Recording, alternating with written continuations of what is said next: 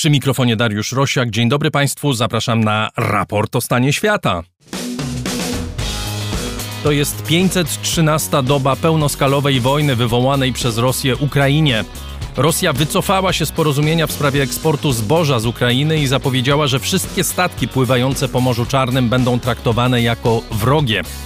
Zaatakowała też Odessę, niszcząc niektóre terminale zbożowe. Ukraina zaczęła używać broń kasetową przekazaną przez Amerykanów. Amerykanie zapowiedzieli również, że samoloty F-16 trafią na Ukrainę do końca roku. Jak przebiega ukraińska ofensywa? Co dalej z grupą Wagnera i jej szefem Prygorzynem?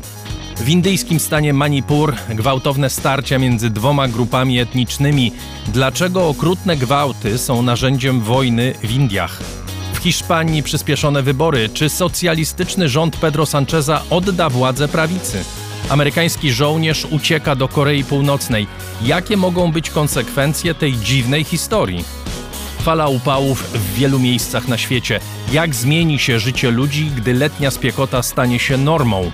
I jeszcze, dlaczego Toskania jest lepsza od Szwecji i vice versa? O tym w raporcie o stanie świata 22 lipca 2023 roku. Z serca dziękuję za wszystkie wpłaty, dzięki którym możemy tworzyć raport o stanie świata. A jeśli ktoś z Państwa ma możliwości finansowe i chęć, by nas wesprzeć, zapraszam na mój profil w serwisie patronite.pl. Za jego pośrednictwem najłatwiej nas wesprzeć. A do słuchania zapraszamy wszystkich. To jest program dostępny za darmo i tak zostanie. Nasz adres mailowy raport adres naszej strony raportostanieświata.pl. Adrian Bąk jest wydawcą programu, Chris Wawrzak realizatorem dźwięku. Jesteśmy w studio Efektura w Warszawie.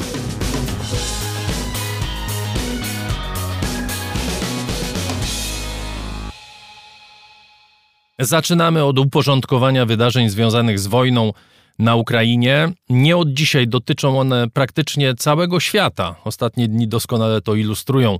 Rosja wycofała się z wynegocjowanej przez Turcję umowy zbożowej umożliwiającej transport ziarna z Ukrainy, co spowodowało natychmiastowy wzrost cen zbóż na świecie i oczywiście oznacza ogromne trudności dla krajów globalnego południa. Rosja przeprowadziła również ćwiczenia na Morzu Czarnym z użyciem ostrej amunicji, jasno deklarując, że każdy statek na tym akwenie będzie traktowany jako potencjalny cel ataku. W studio Michał Potocki z Dziennika Gazety Prawnej. Witam cię, dzień dobry. Dzień dobry.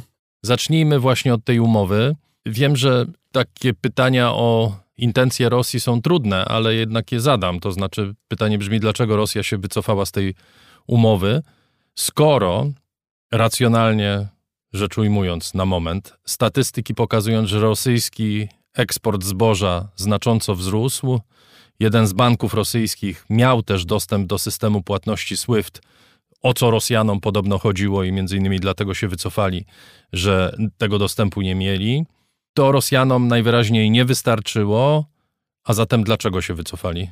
No to wszystkie, rzeczywiście, te wszystkie e, przyczyny podawane oficjalnie, one są bałamutne, dlatego że Rosjanie faktycznie żądali po pierwsze zniesienia zachodnich sankcji na eksport ich nawozów, których nie ma, takich sankcji nie, takie sankcje nie istnieją, i żądali dopuszczenia e, Rossjelhozbanku, czyli rosyjskiego banku zajmującego się konkretnie e, transakcjami agrarnymi, do systemu SWIFT, chociaż wiele innych rosyjskich banków taki, taki dostęp ma. E, w związku z czym, skoro przyczyny są zmyślone, to trzeba poszukać prawdziwych rzeczywiście głębiej. I takich przyczyn jest kilka. Po pierwsze, Rosjanom w tym momencie i tak będzie co najmniej do połowy jesieni. E, ta umowa zbożowa nie jest do niczego potrzebna. Znaczy, rzeczywiście Rosjanie mieli bardzo dobry urodzaj w zeszłym roku. E, to zboże trzeba, trzeba opróżnić magazyny przed, e, przed nowymi żniwami, które przecież właśnie się zaczynają. Czyli trzeba wyprzedać rosyjskie, znaleźć kontrahentów, wprowadzanie niestabilności w tym obszarze właśnie sztuczne y, tworzenie obrazu Ukrainy jako niestabilnego kontrahenta sprawia, że w sposób naturalny odbiorcy ukraińskiego zboża tym chętnie będą się przerzucać na alternatywne, czyli na przykład na rosyjskie. Tam są też interesy osobiste bardzo wyraźne. W sektorze agrarnym duże znaczenie, w rosyjskim sektorze agrarnym duże znaczenie mają imperia budowane przez y, ludzi bardzo bliskich y, do Władimira Putina, i zarazem bardzo bliskich do ministra rolnictwa Dmitrija Patruszewa, nazwisko Patruszew nieprzypadkowe. To jest syn e, Nikołaja Patruszewa. Stąd podbicie cen w tym momencie, podbicie cen zbóż na światowych rynkach w tym momencie po prostu zapełni kieszenie i tych konkretnych ludzi, i w sensie szerszym zapełni kieszenie rosyjskiego budżetu, co jest istotne. Potem, jak będą nowe żniwa, można będzie do tej umowy zbożowej wrócić. To jest pierwszy punkt. Drugi punkt jest taki, że Rosjanom bardzo się nie spodobał ostatni zwrot tureckiej polityki. Jednym z największych beneficjentów, jeśli nie w ogóle głównym, jest właśnie Turcja, tych całych porozumień zbożowych. Co zrobili Turcy? Turcy po pierwsze ustami Recepa Erdoana wprost poparli ukraińskie dążenia do członkostwa w Sojuszu Północnoatlantyckim. To po pierwsze. Po drugie, wbrew, mm, wbrew ustaleniom zwróciły, zwrócili Turcy Ukraińcom jeńców y, z pułku Azow, obrońców Mariupola, y, którzy zgodnie z porozumieniami o ich zwolnieniu z rosyjskiej niewoli mieli do końca wojny siedzieć w obozach internowania, a tak naprawdę w hotelach po prostu w, y, w Turcji. Erdoğan oddał ich Zełańskiemu podczas niedawnej wizyty prezydenta Ukrainy w Ankarze. No i Rosjanie musieli coś zrobić. No, to znaczy, to jest rzeczywiście zerwanie umowy zbożowej było takim pierwszym strzałem, pierwszym typem. Zresztą, jak się poczytało tuż po tej wizycie Zełęńskiego w Ankarze rosyjskich y, prokremlowskich komentatorów czy analityków, to oni w zasadzie o tym pisali, że, y, że to jest, że Erdoğan tak zrobił. Oni pisali w ten sposób. Erdoğan oddał Azowców, nazistów y, i tak dalej, i tak dalej, dlatego, że wiedział, że my zamierzamy zerwać umowę zbożową i potrzebował, i chciał to zrobić po prostu z wyprzedzeniem. Chciał niejako wpuścić Rosję w taką pułapkę, że to przez to. W związku z czym, no, czytając, czytając rosyjskich komentatorów, trzeba filtrować to, co oni piszą.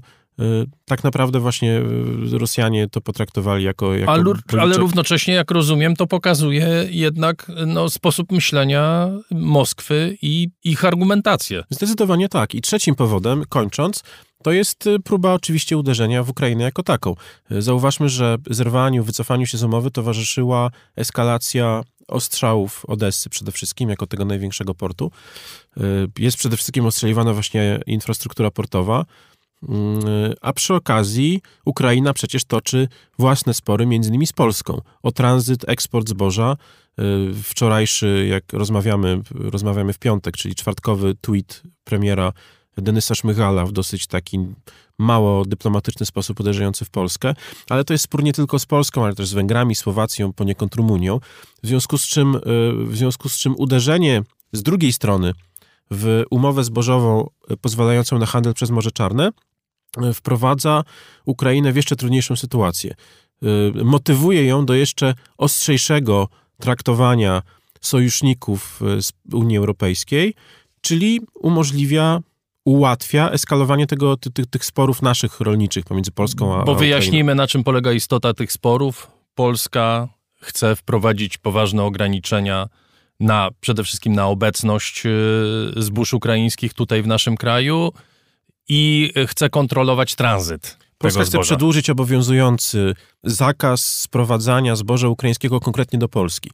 E, polska strona twierdzi, i to, to jest prawda, e, że my nie blokujemy tranzytu że jak zboże ma jechać gdzieś indziej, włącznie z innymi państwami Unii Europejskiej, to może sobie jechać.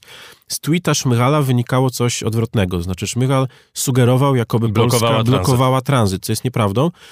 Inna sprawa, że, y, y, że ten tranzyt przez Polskę i przez inne państwa Unii Europejskiej, on miał trafiać y, do państw i zresztą też umowy o Morzu Czarnym, porozumienia czarnomorskie zakładały, że to zboże będzie trafiać do państw trzeciego świata, ogarniętych y, często głodem, którym y, wstrzymanie dostaw z Ukrainy miałoby grozić głodem. Tymczasem jak się popatrzy na statystyki, to rzeczywiście większość tego zboża wcale nie trafia do Afryki i na Bliski Wschód, tylko trafia do do Chin, Turcji i państw Unii Europejskiej. Więc, e, więc tam, jest, tam jest kilka różnych warstw. To jest bardzo ciekawa, bardzo skomplikowana sprawa, o której można nie artykuł napisać, a pewnie całą książkę. Co Ukraina może zrobić? Próbowane są jakieś alternatywne y, drogi, zwłaszcza na tą globalne południe, które jest najbardziej medialne, bo jak rozumiem, dostarczenie zboża do Niemiec i do Włoch prawdopodobnie nie ucierpi specjalnie, ale być może rzeczywiście dostarczanie zboża do krajów e, Afryki może być trudniejsze. Czy Ukraina ma jakieś alternatywy? No problem jest z przypustowością tych alternatyw, bo z jednej strony jest oczywiście granica lądowa. E, Polska, Słowacja, Węgry, kolej. Problem polega na tym, że ta granica ma swoją, ona i tak jest mocno sparaliżowana ze względu na po prostu ogromne, licz, ogromne, ogromne wolumeny towarów, które przez nią prze, przejeżdżają. Co więcej, jak wiadomo, jak widać, tranzyt zboża czy, czy sprowadzanie zboża, wysyłanie zboża w świat przez Polskę, Słowację, Węgry i Rumunię wywołuje kontrowersje wewnątrz tych państw, co z kolei uderza w taki konsensus co do, co do tego, że pomoc dla Ukrainy jest bezwarunkowa, nieograniczona i, i, i tak dalej, i tak dalej. Z drugiej strony są porty rzeczne na Dunaju. Ich jest kilka i Ukraina przed podpisaniem porozumień zbożowych w lipcu ubiegłego roku y, wysyłała zboże częściowo przez porty czarnomorskie, które też mają, są wąskim gardłem, mają ograniczoną przepustowość. Od strony technicznej to są dwa porozumienia. Jedno porozumienie podpisała Rosja z Turcją i ONZ-em, drugie porozumienie podpisała Ukraina z, y, z Turcją i ONZ-em. Porozumienie, które podpisała Ukraina obowiązuje. Rosja się wycofała ze swojego, czyli teoretycznie Ukraina mogłaby zaryzykować, tak jak to zresztą już raz było. Rosja już raz się na kilka dni wycofała z tych porozumień zbożowych. Ukraińcy i Turcy powiedzieli wtedy sprawdzam.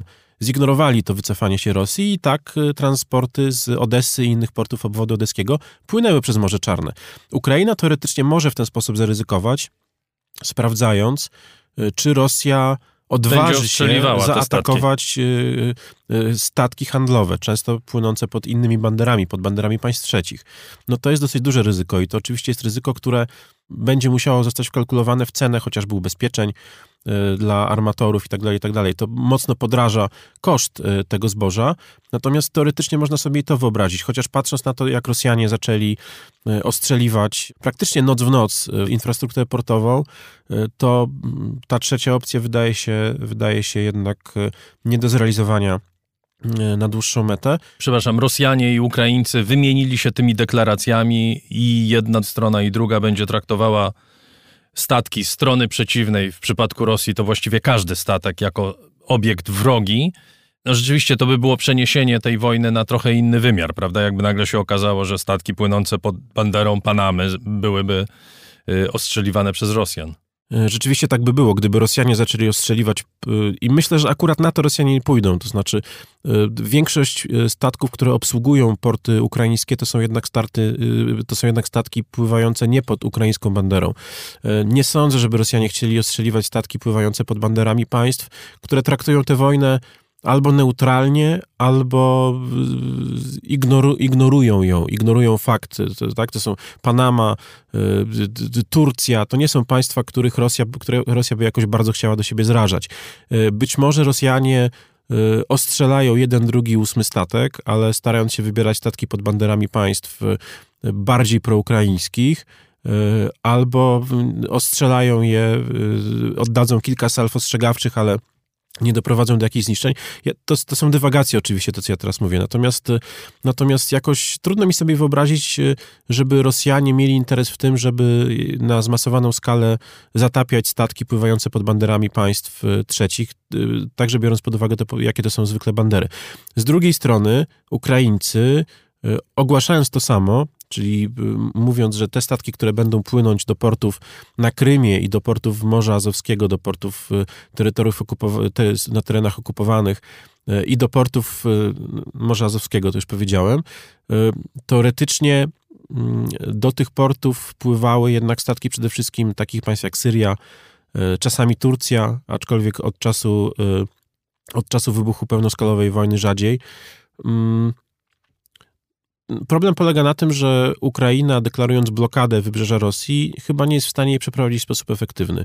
To znaczy, brakuje im, e, brakuje im floty e, i e, zasoby rakiet z kolei są na tyle ograniczone, że raczej bezcelowe byłoby ostrzeliwanie statków rzeczywiście handlowych. I z tego tytułu znów trudno mi sobie wyobrazić jakieś zmasowane działania przeciwko flocie handlowej z kolei tej, która płynie do portów, do portów rosyjskich, chociaż Ukrainie zależałoby na jakiejś formie internacjonalizacji tego konfliktu, czyli Ukraińcy na, myślę, że trzymają kciuki, żeby przez przypadek na przykład oberwał jakiś turecki kuter.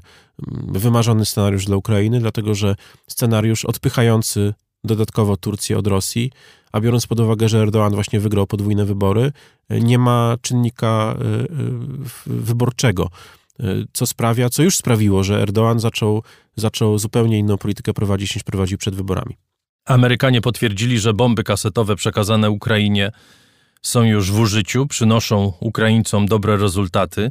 To jest broń, jak wiemy, bardzo kontrowersyjna o działaniu, którego skutki są tragiczne nie tylko dla uczestników wojny, ale również dla ludności cywilnej, czasem latami po zakończeniu działań wojennych. Dlaczego ta broń była tak ważna dla Ukrainy? Dlatego, że brakuje amunicji bardziej konwencjonalnej. E, brakuje bardziej konwencjonalnych pocisków. E, europejskie i amerykańskie zakłady produkcyjne nie są w stanie tak szybko zwiększyć produkcji, żeby, e, żeby, żeby ona mogła w sposób istotny wpłynąć na przebieg trwającej właśnie kontrofensywy. Dlatego Amerykanie zdecydowali się na dość desperacki krok w postaci wysłania nad Dniepr amunicji kasetowej, amunicji, która w niektórych państwach jest zakazana. Istnieje konwencja międzynarodowa zakazująca używania amunicji kasetowej, której co prawda Ukraina, Rosja ani Stany Zjednoczone nie podpisały. Dlatego mm, z tego no, ale jest stygmat jest moralny, Ale stygmat to. jest i to wywołało zresztą, zresztą kontrowersje również w państwach NATO. E, ta decyzja została skrytykowana przez Niemców. Kanadyjczycy do tego podeszli z dużym dystansem. Natomiast e, fakt jest taki, że rzeczywiście Rosjanie zdołali się w sposób e, dosyć umiejętny okopać wzdłuż południowego frontu i wzdłuż frontu don, donieckiego i przez to wymagana jest dużo większa ilość amunicji do tego, żeby zniszczyć ich tam punkty dowodzenia, infrastrukturę itd., tak itd. Tak z tego tytułu ta amunicja kasetowa ona może, może rzeczywiście przynieść dobry rezultat, aczkolwiek efekty uboczne są takie, że te, te, te gleby, które tam są, ta ziemia, która tam jest, no zostanie skażona na dekady.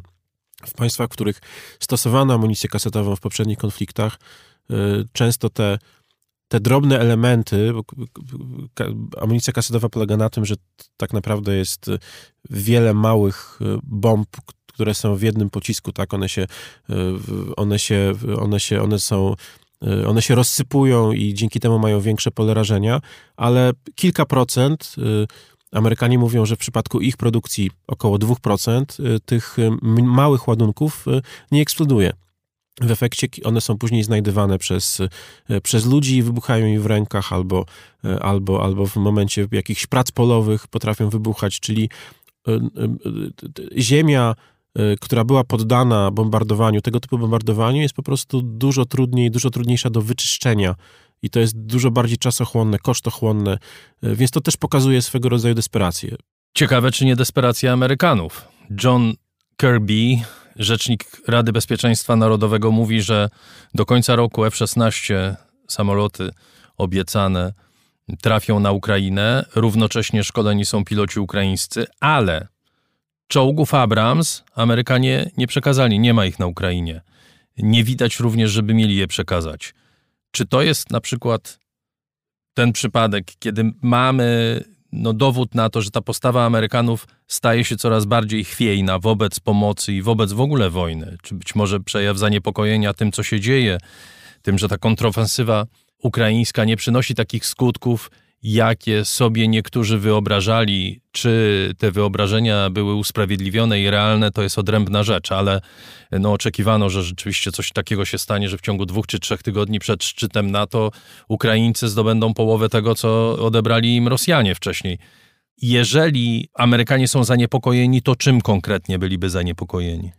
Amerykanie żyją już też w kontekście wyborczym. Zaraz w perspektywie kilku miesięcy ruszają prawybory cała ta wielka kampania, wielka machina amerykańskich wyborów, e, w których e, siłą rzeczy temat pomocy dla Ukrainy, temat polityki wobec Rosji e, będzie jednym z tematów kampanii. Zresztą widać to już teraz po wypowiedziach potencjalnych kandydatów, zarówno Joe'ego Bidena, no, który siłą rzeczy musi się wypowiadać na ten temat, by jest prezydentem, ale po stronie republikańskiej i, yy, i Trump, i jego kontrkandydaci potencjalni bardzo często, bardzo często nawiązują do kwestii ukraińskich, w związku z czym po pierwsze Amerykanie rzeczywiście e, potrzebują osiągnąć e, szybki sukces rękami Ukraińców. Stąd decyzja, o której mówiliśmy przed, przed chwilą co do amunicji kasetowej.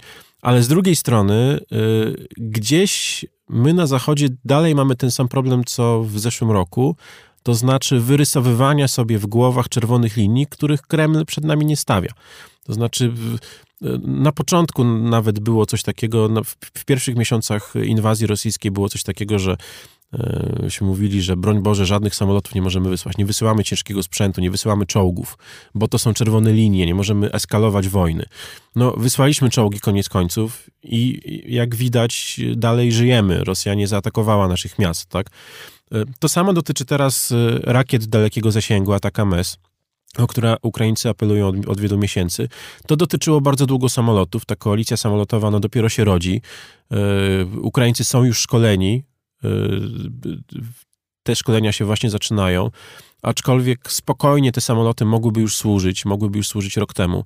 Yy, tymczasem głównodowodzący sił ukraińskich generał Walerii Załużny podkreśla, że są, że do kontrofensywy musi zniwelować rosyjską przewagę w powietrzu. Żeby zniwelować przewagę w powietrzu, potrzebuje albo nowoczesnych zachodnich samolotów, ukraińska flota jest przestarzała, w dużej mierze zniszczona, e, albo rakiet dalekiego zasięgu. E, Zachód odmawia de facto, e, bardzo długo odmawiał dostarczania jednych i drugich. Te rakiety dopiero teraz, o Atakame zresztą Amerykanie nie chcą mówić do tej pory, Brytyjczycy obiecali Storm Shadow i te Storm Shadow zresztą na Ukrainę trafiły. One już robią, e, one już służą, one już wykonują swoją pracę. Samoloty mają trafić gdzieś tam pewnie pod koniec roku. Ukraińcy się szkolą szybciej niż przewidują programy szkoleniowe, tak było na, w przypadku patriotów na przykład, więc można zakładać, że, że, te, że ten kalendarz będzie bardziej optymistyczny, że gdzieś tam pod koniec jesieni, no ale nie tak to miało wyglądać. Była duża presja na Ukraińców, żeby rozpoczęli kontrofensywę teraz, żeby rozpoczęli kontrofensywę z, y, z utwardzeniem gruntu po roztopach, czyli, czyli gdzieś tam w połowie wiosny. Y, Załużny prosił o rakiety i o, i o, i o samoloty dużo wcześniej. Gdzieś te bariery były. Z drugiej strony jest coraz e, wyraźniej słychać głosy na Zachodzie o tym, że po tej kontrofensywie przyjdzie czas na próbę podjęcia rozmów pokojowych. W zasadzie takie pierwsze Bez względu na jej efekt. Z uwzględnieniem jej efektu, bez względu na, na to, jaki on będzie.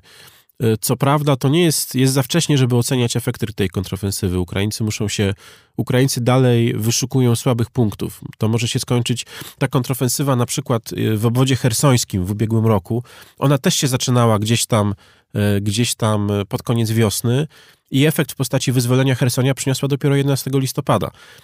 W międzyczasie, co prawda, udało się odbić Charkowszczyznę. To wynikało z tego, że Rosjanie wycofali część jednostek z Charkowszczyzny, żeby bronić Hersonia ale te efekty też były długie i też można było przeczytać u wielu analityków e, zachodnich, polskich, że kontrofensywa pod Chersoniem jest fingowana, że nie ma jej, że, że, że się nie udała, tymczasem przyniosła skutek. Rzeczywiście Herson został wyzwolony, ale dopiero w listopadzie. Czy tak będzie teraz, trudno powiedzieć, ale y, Ukraińcy, z którymi przynajmniej ja rozmawiałem podczas ostatnich wizyt w Kijowie, mówią, żeby się wstrzymać na razie z ocenami efektów tej kontrofensywy. Y, niemniej presję na to, żeby po tej kontrofensywie podjąć rozmowy, ona nawet już pod nazwiskiem y, takie wypowiedzi się pojawiają. Zarówno po stronie amerykańskiej, jak i niedawno prezydent Czech Petr Paweł, który wie o czym mówi, bo sam jest generałem, sam jest wojskowym, dobrze ocenianym, mówią o tym, że po tej kontrofensywie przyjdzie czas na próbę podjęcia rokowań, czy próbę powrotu do rokowań, które przecież już trwały. Mm, no właśnie, i teraz problem polega na tym, że im więcej się uda Ukraińcom odbić, im bardziej uda się Ukraińcom rozbić y, przeciwnika, tym lepszą będą mieli pozycję do, do, do podejmowania jakichkolwiek rozmów. Jeszcze słowo na temat grupy Prygorzyna. Mamy jego pierwsze nagranie wideo z Białorusi, zapewne autentyczne. Mówi, że przyszłość grupy to jest Afryka, a nie Ukraina.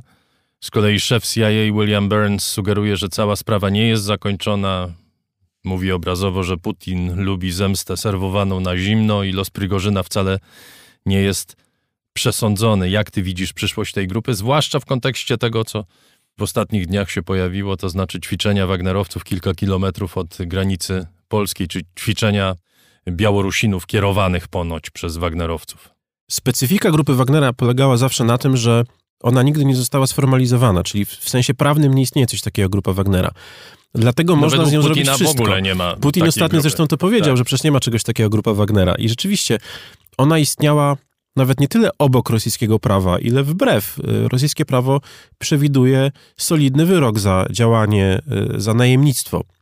W związku z czym wszyscy ci ludzie powinni trafić do kolonii karnych, co byłoby o tyle paradoksalne, że przecież duża część z nich wyszła z tych kolonii karnych po to, żeby służyć w grupie Wagnera.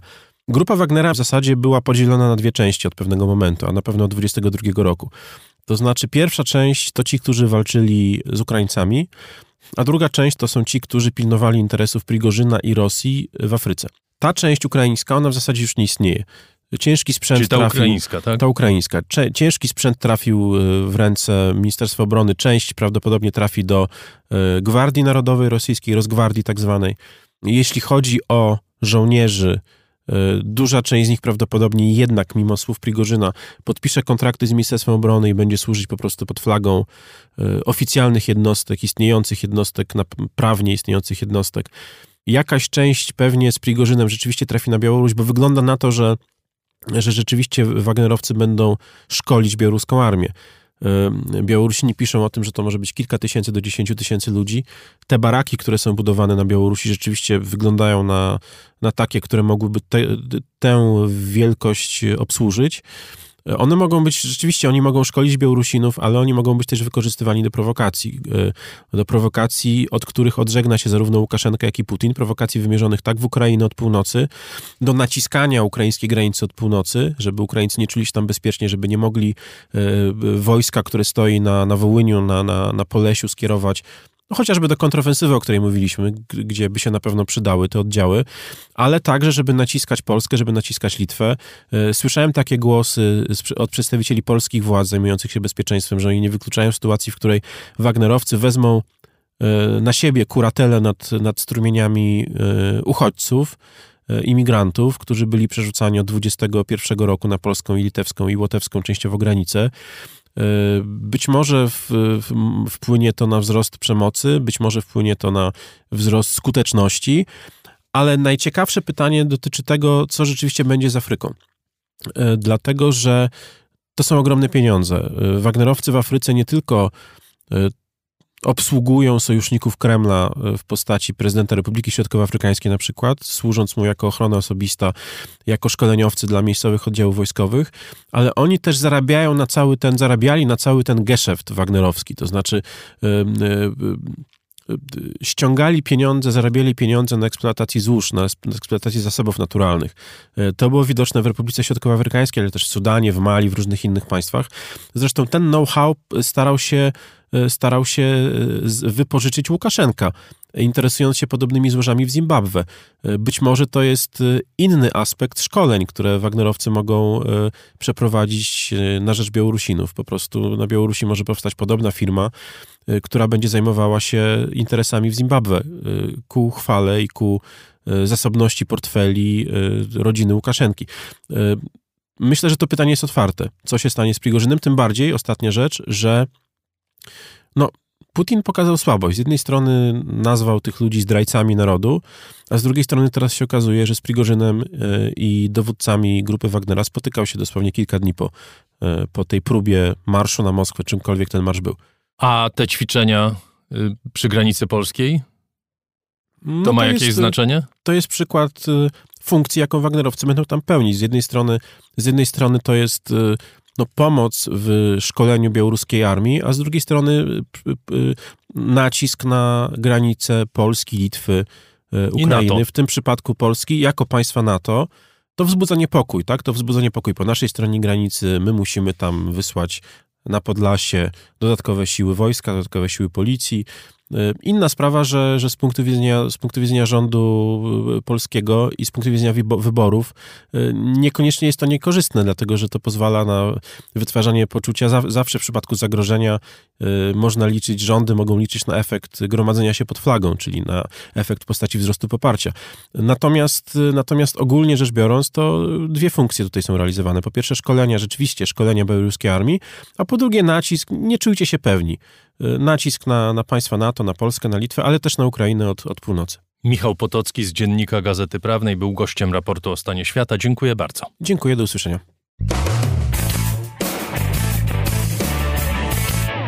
Dramatyczne rzeczy dzieją się w indyjskim stanie Manipur, gdzie od początku maja trwają starcia między dwoma grupami etnicznymi stanowiącymi większość mieszkańców Meitei i Kuki. Zginęło dotąd ponad 130 osób, kilkadziesiąt tysięcy straciło domy. Obie grupy dzieli wyznanie. Meitei to hinduiści, Kuki chrześcijanie, ale tym razem to nie wyznanie stoi u korzeni sporu. Jeszcze jeden okrutny i przerażający element tego konfliktu gwałt i przemoc wobec kobiet są na porządku dziennym, stosowane przez obie strony. W ubiegłym tygodniu w mediach społecznościowych pojawił się film pokazujący bestialskie potraktowanie dwóch kobiet. Policja rozpoczęła dochodzenie w sprawie zbrodni, która miała miejsce w maju. Swoją drogą fakt, że dopiero teraz służby bezpieczeństwa zajęły się tym bardzo głośnym e, przypadkiem przemocy seksualnej w Indiach budzi w kraju ogromne oburzenie. Jest z nami Patryk Kugiel z Polskiego Instytutu Spraw Międzynarodowych. Witam cię, dzień dobry. Dzień dobry. Może najpierw nakreślmy kontekst całej historii. To jest ponoć niezwykle piękny, malowniczy stan graniczący z Mianmą, czyli Birmą. Zamieszkały przez ponad 30 grup etnicznych, które od lat regularnie y, ze sobą walczą. Tam mają miejsce jakieś rebelie, niektórzy walczą między sobą, z rządem. Na jakim tle dochodzi do tych walk? No, na różnym, można by powiedzieć. Tak? To jest dość skomplikowana sytuacja i ja bym tego też nie sprowadzał tutaj do jakiejś, nie wiem, polityki rządu, która by miała to e, wywołać te ostatnie zamieszki. Ja bym pierw chciał powiedzieć o pewnym kontekście też szerszym, prawda? Bo to, to jest e, konflikt etniczny o przywileje, o dochody, o ziemię, który no, w tej części świata, w samych Indiach, ale też e, w tej części Azji, no, jest czymś raczej popularnym i powszechnym. E, wystarczy przypomnieć to, co się działo właśnie w Birmie, tak? kiedy większość e, buddyjska wygnała z kraju e, muzułmańską mniejszość Rohingjów. Tak? Tutaj, czy to, co się dzieje w Afryce, więc tego typu jakby zamieszki jednak dzieją się w państwach, gdzie jest słabe, słabe struktury administracji i bieda, która no, sprawia, że ludzie nie mają nic do stracenia jeżeli widzimy taki kontekst, to najczęściej przykładamy y, tą miarę wyznaniową. Mówimy tutaj chrześcijanie, tu muzułmanie, tu buddyści, tu muzułmanie. To jest taka pokusa, natomiast ona nie zawsze, a powiedziałbym nawet bardzo często nie sprawdza się prawda? Znaczy, bo to jest kilka tożsamości, które na siebie się nakładają, tak, i które potęgują ten konflikt. Tutaj e, w samym Manipurze to jest e, po prostu no, stan indyjski wielkości naszego województwa podlaskiego czy warmińsko-mazurskiego, gdzie jest e, trzykrotnie więcej mieszkańców. Mamy 3,5 miliona ludzi na dość małym terytorium, gdzie te grupy są właśnie podzielone także w, tym, w tej dolinie Imfalu, czyli stolicy e, stanu, mieszka ta większość hinduistyczna Meitei, a w, na okolicznych wzgórzach mieszkają te plemienne społeczności Kuki, czy Zoe, czy tam cała masa innych. W ogóle musimy pamiętać, że, że mówimy o części Indii, e, które są najbardziej zacofaną częścią tego państwa, najbardziej też zróżnicowaną etnicznie, religijnie i rasowo, tak? Bo tutaj jest jeszcze ten element, że tak naprawdę Kuki, e, to plemię, mniejszościowe w zasadzie nie ma nic wspólnego z większością Meitei, tak? Także w sensie rasowym.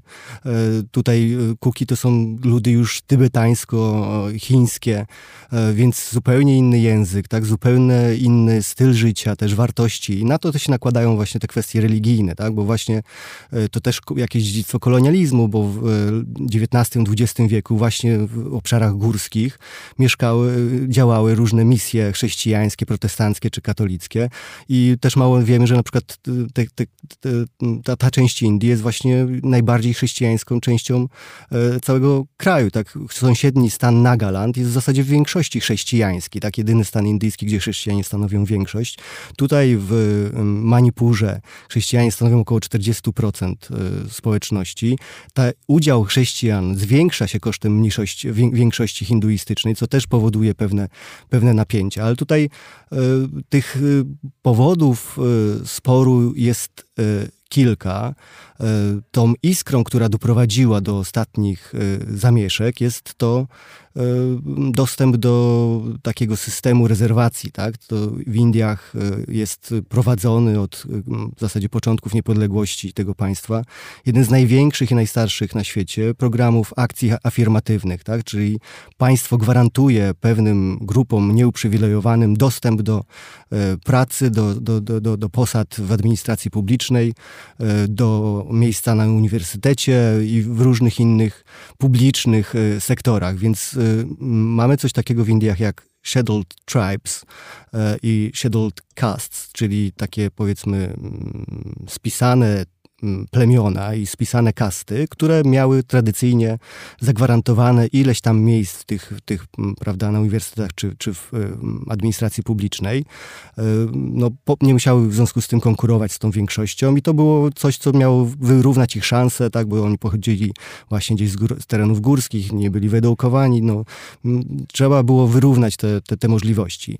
I to, co jakby sprowokowało dzisiejszą jakby ten, ten, ten kryzys, to jest to, że w marcu tego roku Sąd Najwyższy tego stanu Manipur nakazał e, no, przygotowanie nowych regulacji, które dopuszczą też tą grupę większościową, czyli Meitei, Meitei do, do tego systemu rezerwacji, tak? co oczywiście tej marginalizowanej grupie Kuki i innym y, plemionom się nie spodobało, bo uważali, że to będzie ich kosztem, tak, że zostaną jeszcze bardziej zmarginalizowani w tym stanie, że zacznie im być odbierana ziemia, że nie będą już mieli tak uprzywilejowanej pozycji, E, a zamieszkują dużo trudniejsze tereny górskie, prawda, więc to jest e, dla nich poważny e, problem. No i od tego do takich marszów przeciwko temu orzeczeniu Sądu Najwyższego Stanowego zaczęły się te rozruchy, które no bardzo szybko eskalowały tak, do przemocy z jednej i z drugiej strony, ataków odwetowych, tych e, przypadków gwałtu.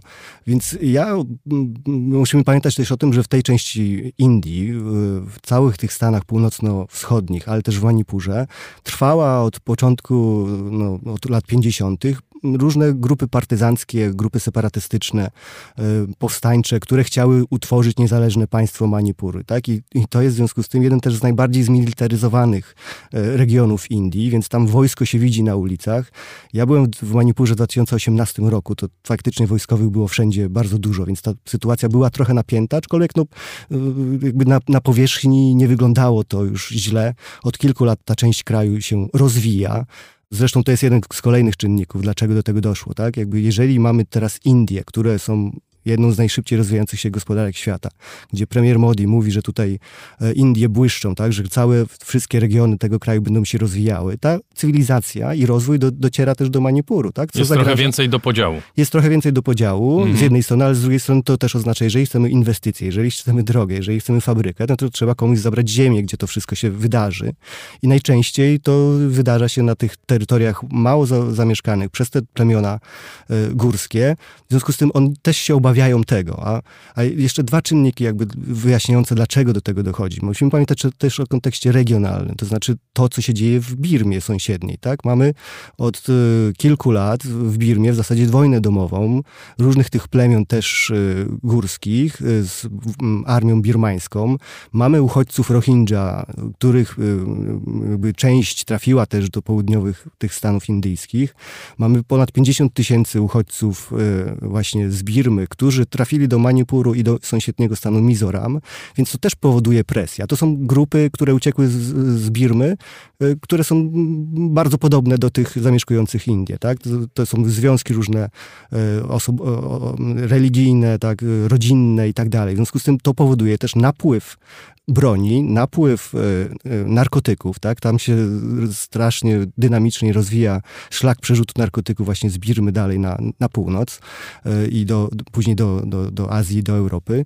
No a rząd indyjski też właśnie taki kierowany taką agendą modernizacyjną wypowiedział wojnę tym handlarzom narkotyków i też coraz ostrzej zakazywał tym górskim plemionom głównie kultywacji, uprawiania maku czy innych roślin, które później e, są przerabiane na, na narkotyki. Więc to jest zderzenie po prostu trochę też cywilizacji e, z tradycyjnym stylem życia e, tej ludności rdzennej. To jest y, bardzo znaczące to, co powiedziałeś. W tych opracowaniach dotyczących konfliktu ten problem narkotykowy pojawia się bardzo silnie, bardzo mocno jest akcentowany, jak również fakt, że mamy właśnie do czynienia z prowincją, która jest na granicy Birmy, prawda? Potentata w produkcji opium światowego. I nielegalna imigracja, twierdzą niektórzy, że ci baroni narkotykowi przenoszą się na tereny kontrolowane przez tych właśnie kuki, którzy uprawiają opium i tworzą tam własne centra produkcji opium. I to jest i dla rządu, jak rozumiem, i dla Meitei nie do przyjęcia. To jest coś, co powoduje, że y, sytuacja się zaognia. Tak, ten handel narkotykami to jest jedna rzecz, ale mamy tam do czynienia z handlem ludźmi, handlem bronią, tak? I to działa w dwie strony. Właśnie ta niestabilna sytuacja po birmańskiej stronie granicy jakby ma negatywny wpływ na to, co się dzieje w Manipurze, tak? Bo te grupy zbrojne y, ukrywają się z kolei po stronie birmańskiej, tak? Więc są poza zasięgiem działania władz indyjskich. Stamtąd przygotowują jakieś ataki na posterunki y, wojskowe. Y, tam często właśnie, nie wiem, przygotowywany jest jakiś transport narkotyków, więc to działa w dwie strony, tak? A to, że po, po, po obu stronach tej granicy te, te plemiona górskie, to w zasadzie to są ci sami ludzie przedzieleni sztuczną granicą, tak? To powoduje, że między nimi jest y, przepływ i broni, i, i narkotyków, i wszystkiego. Dlatego ta sytuacja tam w regionie, no, na tych trudno dostępnych też rejonach, tak? Bo to są dość wysokie, porośnięte dżunglą e, góry, więc tam no, przez 60 lat w zasadzie indyjskie państwo nie mogło sobie poradzić z pełnym ustabilizowaniem sytuacji i dopiero w ostatnich latach zaczęła się ta sytuacja poprawiać, co jak się okazuje było dość powierzchowne, tak? Gdzieś pod, pod powierzchnią y, tam buzowało i te procesy regionalne i procesy modernizacyjne, gospodarcze doprowadziły do tego, że y, ci kuki i inne plemiona poczuły się zagrożone i w związku z tym przy takiej iskrze, tak, jakby zmianie ważnego dostępu do przywilejów dla, dla plemion, y, no to wybuchło przemocą z jednej strony, na co Meitei odpowiedzieli i oni są w większości, tak, mają też większość w siłach zbrojnych, w, policji lokalnej i tak dalej, więc od, od, od, odpowiedzieli y, przemocą i, i, i mamy sytuację bardzo poważną. I to przemocą w tym najbardziej bestialskim wydaniu, niestety, to ostatnie wideo, które krążyło przed paroma dniami y, po mediach społecznościowych, okrutne, przerażające potraktowanie dwóch czy trzech, nie do końca jasne, to jest y, kobiet Kuki przez mężczyzn Meitei. Już nie będziemy wchodzić w szczegóły, ale to są okrucieństwa dokonywane przez mężczyzn na kobietach po to, by ukarać innych mężczyzn, jak mm. rozumiem. Kobiety są traktowane jako przedmiot w tej wojnie, gwałt, jest traktowany jako narzędzie zbrodni, ale narzędzie wojny również. To jest coś, co powtarza się, kiedy rozmawiamy o Indiach, zresztą nie tylko o Indiach, w ogóle o Azji Południowej. Bardzo często. Czy unikając może jakichś stereotypowych rozwiązań, ale czy masz pomysł na to, żeby wyjaśnić, dlaczego do tego typu rzeczy dochodzi tam, akurat tam, zresztą nie chcę sugerować, że w Europie do tego nie dochodzi, bo mieliśmy wojnę w Bośni, gdzie do takich samych rzeczy dochodziło. Więc y, to nie jest y, w żaden sposób sugestia, że poza sferą białego człowieka do takich zbrodni wyłącznie dochodzi.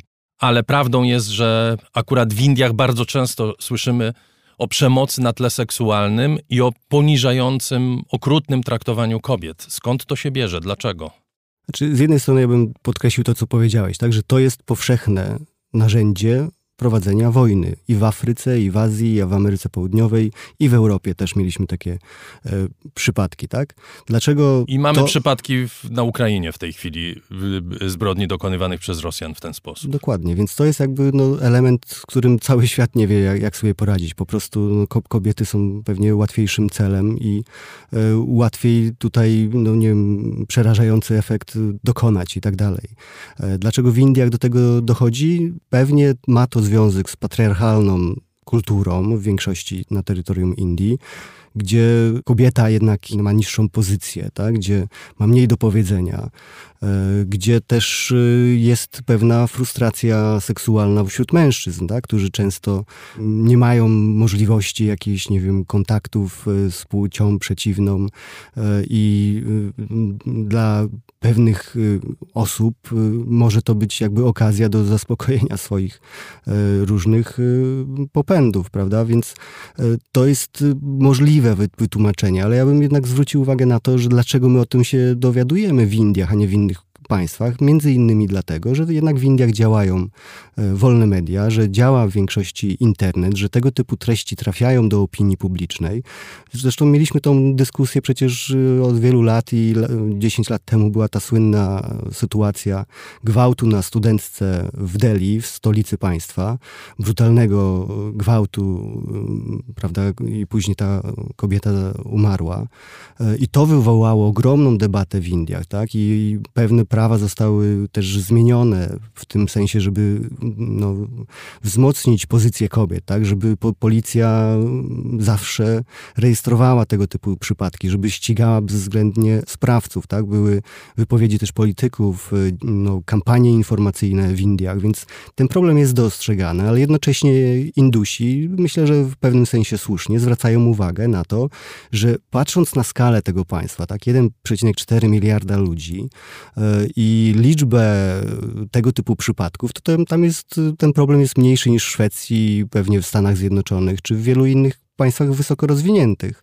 Więc to oczywiście też to, o czym wiemy w Indiach, to jest wierzchołek góry lodowej. Tak? Większość tych pewnie przypadków gwałtu y, się nie zdarza, znaczy nie jest y, raportowane nigdzie z uwagi na obawę o, o wstyd, o jakieś wykluczenie społeczne i tak dalej. To znaczy pewnie masz rację, ale być może warto jednak się zastanowić, bo jeżeli te porównania się pojawiają, no jednak w Szwecji czy w Stanach Zjednoczonych nie dochodzi do publicznego poniżania kobiet w taki sposób, jak miało to miejsce akurat tutaj w Manipurze. Pytanie jest o to, rzeczywiście, czy mówiłeś o tej patriarchalnej strukturze społecznej, ale może też rodzin, strukturze rodzin, które nie chcą wspierać pohańbionych kobiet, bo te kobiety są hańbione po to, żeby ukarać mężczyzn, co samo w sobie jest konstrukcją kulturową, prawda? To znaczy, nie mogę zabić mężczyzny, więc po hańbie jego kobietę, po to, żeby jego ukarać. No, do takich rzeczy stosunkowo rzadko dochodzi w wymienionych przez ciebie Stanach Zjednoczonych czy Szwecji, chyba że w środowiskach imigranckich. Mamy przykład, nie wiem, w tym roku sprawy sądowej przeciwko sprawcom gwałtu w 2013 roku w trakcie zamieszek w stanie Uttar Pradesh. Tam było kilka ofiar, tylko jedna zdecydowała się wystąpić w sądzie, bo bała się, że zamiast uzyskać sprawiedliwość, będzie jeszcze bardziej pohańbiona. No tak, ten czynnik kulturowy jest bardzo ważny, tak, że często się nie zgłasza tego typu y, przestępstw z uwagi na to, że kobieta się boi sprowadzić tą defamację, jakąś niesławę, prawda, na własną rodzinę. Y, to się wiąże też z tym, że taka kobieta prawdopodobnie nie znajdzie partnera, męża, prawda, jeżeli została w taki sposób potraktowana. No mamy całą masę czynników takich kulturowych, które pewnie odgrywają tutaj rolę, ale ja bym nie ekstrapolował i jakoś wyciągał wielkich wniosków z tego, co się wydarzyło akurat w Manipurze, gdzie jest sytuacja prawie że e, wojenna, tak? gdzie jest po prostu przemoc za przemoc. E, przecież w tej sytuacji, o której mówimy, tego nagrania wideo, no to e, te kobiety zostały tak potraktowane, dlatego że wcześniej zabito ich ojca i brata tak? I, I to była jakby kontynuacja dalej przemocy wobec, wobec, wobec kobiet, tak? Ale to już było zbudowane na bazie dużo poważniejszej zbrodni jeszcze. Co jest jednak problematyczne tutaj w tej sytuacji, jeżeli mówimy o Indiach i faktycznie ja nie chcę tutaj zbytnio bronić też e, Indii, e, bo najwięcej obiekcji i zarzutów możemy mieć pod adresem policji, tak? To o czym mówiłeś, że no właśnie, jak się dzisiaj, zachowują służby bezpieczeństwa i jak się zachowuje rząd więc, w tej sytuacji? Więc tutaj e, no, te poszkodowane już jakby kilka dni po tamtym e, zajściu, jak doszły do siebie, zgłosiły to na policję i od tamtego czasu niewiele się w tej sprawie działo. Dopiero upublicznienie tej sprawy spowodowało, że no, tą sprawą zainteresował się Sąd Najwyższy Indii, zainteresował się dzisiaj, po raz pierwszy od dwóch miesięcy wypowiedział się w sprawie Manipuru premier Indii Narendra Modi, tak, i, i, i, i zapowiedzieli bezwzględne ukaranie e, sprawców tego, tego zajścia i wszystkich innych aktów przemocy, e, zaprowadzenie porządku w stanie Manipur. No, dwa miesiące to trwało, tak? Te osoby poszkodowane mówiły, że w zasadzie no, one zostały pozbawione opieki policji. Oni, one najpierw miały opiekę policji, dopiero policjanci, widząc rozścieczony tłum, zostawili te, te osoby na pastwę e, no, tych agresywnych e, sprawców i się wycofali. Tak? Więc to jest to, co też powoduje to poczucie marginalizacji wśród tych grup e, nieuprzywilejowanych, tak, marginalizowanych, tych plemion, które mówią, że one nie mogą liczyć na państwo indyjskie, tak, że im policja nie zapewnia ochrony, że działa w interesie tej większości i to, jak działała policja, to na pewno Indie będą musiały wyjaśnić i wyjaśnić też światu, E, to, dlaczego Modi milczał tak, tak długo, też jest zastanawiające, aczkolwiek to jest charakterystyczne dla niego. On nie zabierał głosu w, żadnych innych tego typu przypadkach e, napięć międzyreligijnych, międzyetnicznych w Indiach w ostatnich latach. Tak? On się trochę od tego dystansuje, e, wkracza w ostatnim momencie, prawda, jako mąż opatrznościowy, wzywając do jedności całego narodu, potępiając te a, a, ataki, akty przemocy, mówiąc o tym, że no, to, co się wydarzyło w Manipurze, okryło hańbą, prawda, całe Indie i on jakby będzie dążył do tego, żeby to wyjaśnić. No ale były, minęły dwa miesiące, tak, kiedy faktycznie mm, indyjskie siły bezpieczeństwa i mm, nie wiem, prokuratura i tak dalej nie działały wystarczająco mm, aktywnie w celu wymierzenia jakiejś sprawiedliwości. Dopiero to oburzenie świata i oburzenie całych Indii powoduje, że, że, że państwo wkracza do akcji. To jest sytuacja bardzo trudno rozwiązywalna. Ty mówisz o programach pomocy, tym niby mniej uprzywilejowanym, które, y, no jak w tym wypadku, y, kończą się y, skutkiem odwrotnym do przewidywanego, prawda? Państwo jest obecne, państwo, które jest coraz bogatsze, które dysponuje coraz większą ilością środków na to, aby interweniować w życie biednych ludzi i likwidować biedę w takim kraju jak Indie, robi to, co robi, ale to nie jest problem, który może zostać rozwiązany w ciągu, nie wiem, 10-15 lat? No absolutnie nie. I tu jest jakby kwestia chyba zarządzania e, tą niestabilnością i kryzysem. To jest jakby maksimum, co możemy osiągnąć, prawda? Bo tak jak mówię, premier Modi ma takie podejście, ok, e, te stany, siedem stanów północno-wschodnich Indii były zacofane, zaniedbane, zapomniane prze, przez lata, e, no i teraz musimy tam przynieść rozwój, tak, zbudować drogi, autostrady, fabryki i tak dalej. Tylko ten rozwój też właśnie wywołuje opór e, ludzi, którzy żyli w inny sposób, prawda? z roli, z polowania, e, żyli w tych swoich górskich wioskach, który, którzy nie do końca chcą oddać ziemię, prawda, żeby tam poprowadzić jakąś nową autostradę. Więc sam rozwój gospodarczy e, nie jest panaceum na, na, na całe zło, tak? Jakby tam są też inne kwestie, tak? Jakby to, że jest ciągle jednak silna w tej części Indii i w Nagalandzie jeszcze bardziej, w sąsiednim stanie, to dążenie do niepodległości, tak? To dążenie do tego, że to są ludzie praktycznie, którzy nie mają nic wspólnego z państwem indyjskim, tak? którzy znają inną wiarę, którzy są innej rasy, którzy mają więcej wspólnego właśnie z tymi grupami plemiennymi e, po, po, po birmańskiej stronie granicy. Więc tam to nie jest, tego nie można wytłumaczyć tylko jakąś, jakimś upośledzeniem takim ekonomiczno-społecznym, tak? że wystarczy im dać pracę i to wszystko zniknie. Tam są kwestie tożsamości, tak? E, dążenia do, do posiadania własnego państwa, państwa, tak?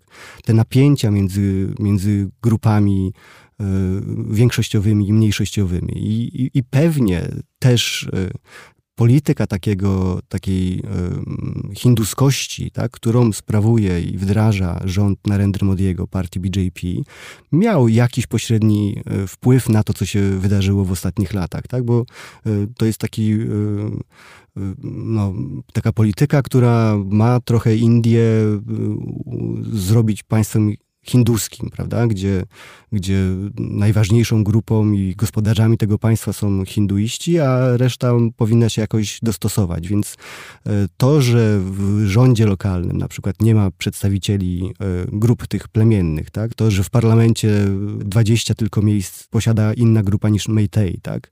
To pokazuje, że ci ludzie się czują marginalizowani i na to nie ma łatwego rozwiązania. No to jest kilka rzeczy naraz trzeba, tak? Trzeba jednak to jakoś pewnie rozwijać w dialogu z tymi grupami, tak? A, a trzeba uwzględniać ich też postulaty polityczne, ekonomiczne, trzeba też no, zadbać o stabilizację regionu, bo jeżeli ten konflikt z Birmy będzie się przelewał przez granice indyjskie i to pozostanie taki no man's land, gdzie różne grupy rebelianckie i, i narkotykowe i przestępcze będą operowały, to to pozostanie na długo y, źródłem niestabilności dla, dla samych Indii, więc y, łatwego rozwiązania na pewno nie ma. Dziękuję bardzo. Patryk Kugiel z Polskiego Instytutu Spraw Międzynarodowych był gościem raportu o stanie świata. Dziękuję bardzo.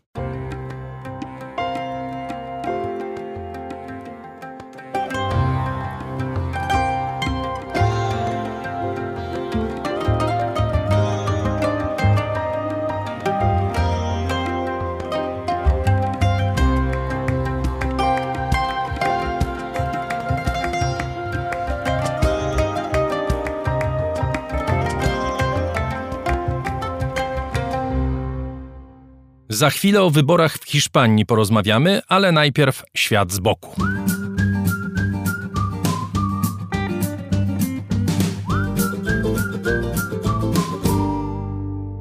Grzegorz Dobiecki dziś o wyższości Toskanii nad Szwecją oraz Szwecji nad Toskanią równocześnie.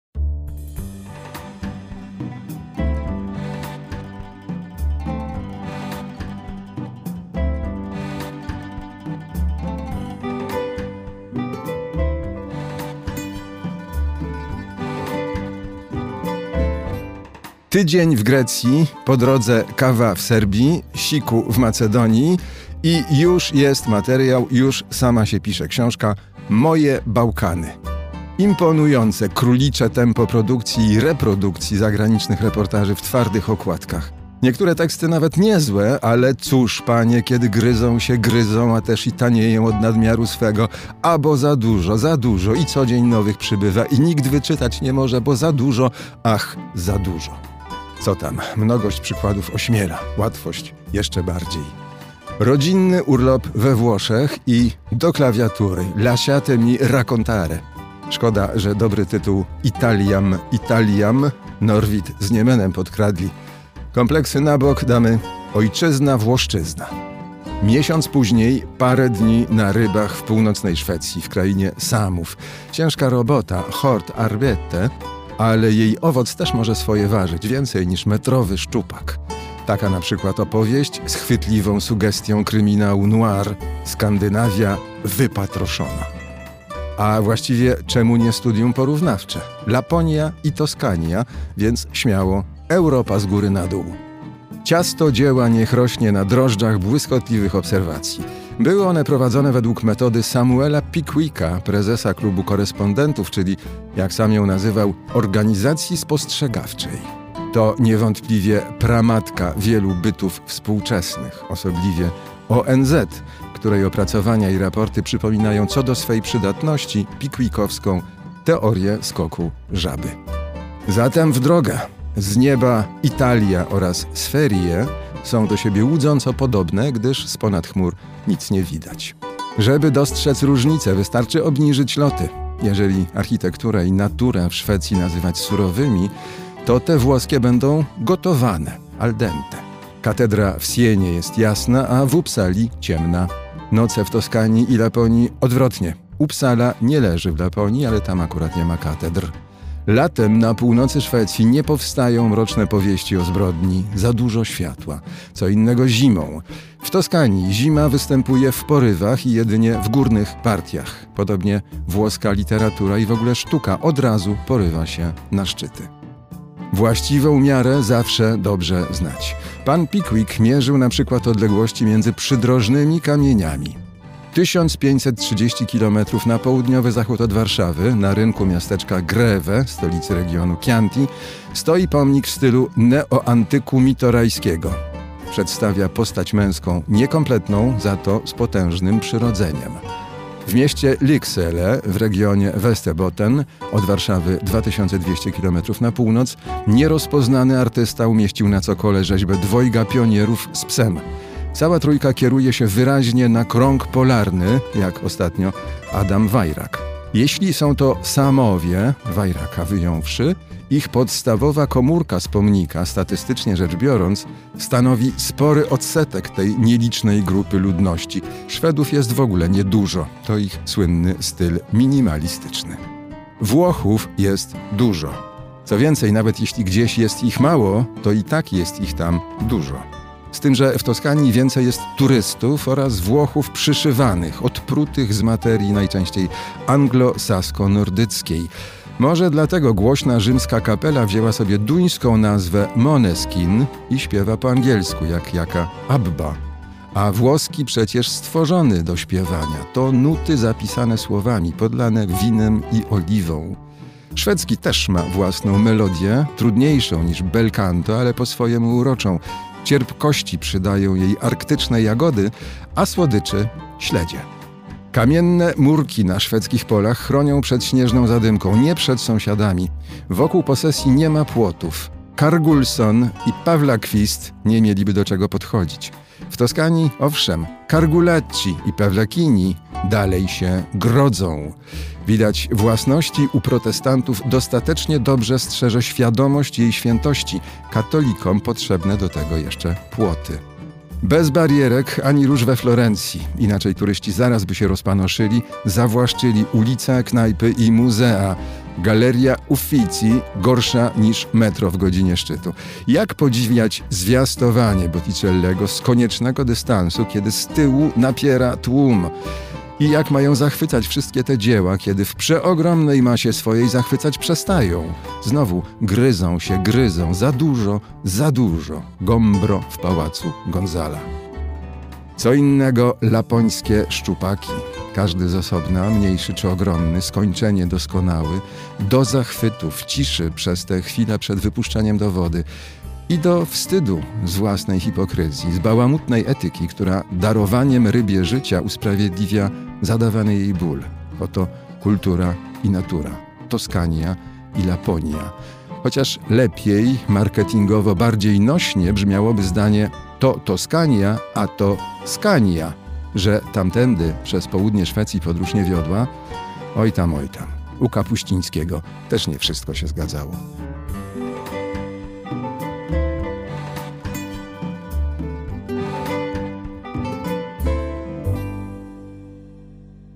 Szanowni Państwo, drodzy patroni, przypominam, że w niedzielę o 11 widzimy się w Sopocie. Szczegóły na Waszych profilach na Patronite, również na naszej facebookowej grupie. Zapraszamy serdecznie. Będziemy w trójkę z Agatą i Adrianem. Będzie nam niezwykle miło spotkać się z Państwem i powiedzieć, jak ważne jest dla nas to, że jesteście z nami i że to dzięki Wam istnieje raport. Dziękuję bardzo.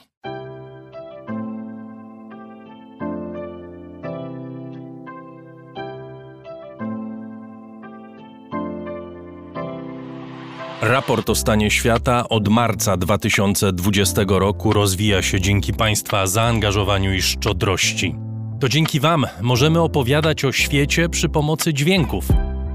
Dzięki Wam ten program jest przygotowywany w profesjonalny sposób z zachowaniem najwyższej jakości, bo na nią właśnie zasługują słuchacze raportu o stanie świata. Z serca dziękuję wszystkim Państwu za wpłaty. Wasza hojność jest dla mnie ogromnym zobowiązaniem. Zbiórka na patronite.pl ciągle trwa, zachęcam do udziału. Najhojniejsi patroni raportu o stanie świata to firma Ampio Smart Home, Aureus, leasing, kredyt, ubezpieczenia, księgowość. Sprawdź nas na www.aureus.pl. Hotel Bania Termal Iski w Białce Tatrzańskiej, oferujący pakiety pobytowe z termami w cenie. Mikosz Barczewski 2005 Global Firma doradcza Crido Galmet Polskie pompy ciepła Sklep internetowy goldsaver.pl w którym sztabkę fizycznego złota kupisz po kawałku i bez wydawania jednorazowo dużych kwot. KR Group Firma outsourcingowa www.krgroup.pl Razem w przyszłość. Polsko-Japońska Akademia Technik Komputerowych, Warszawa, Gdańsk, Bytom. Michał Małkiewicz.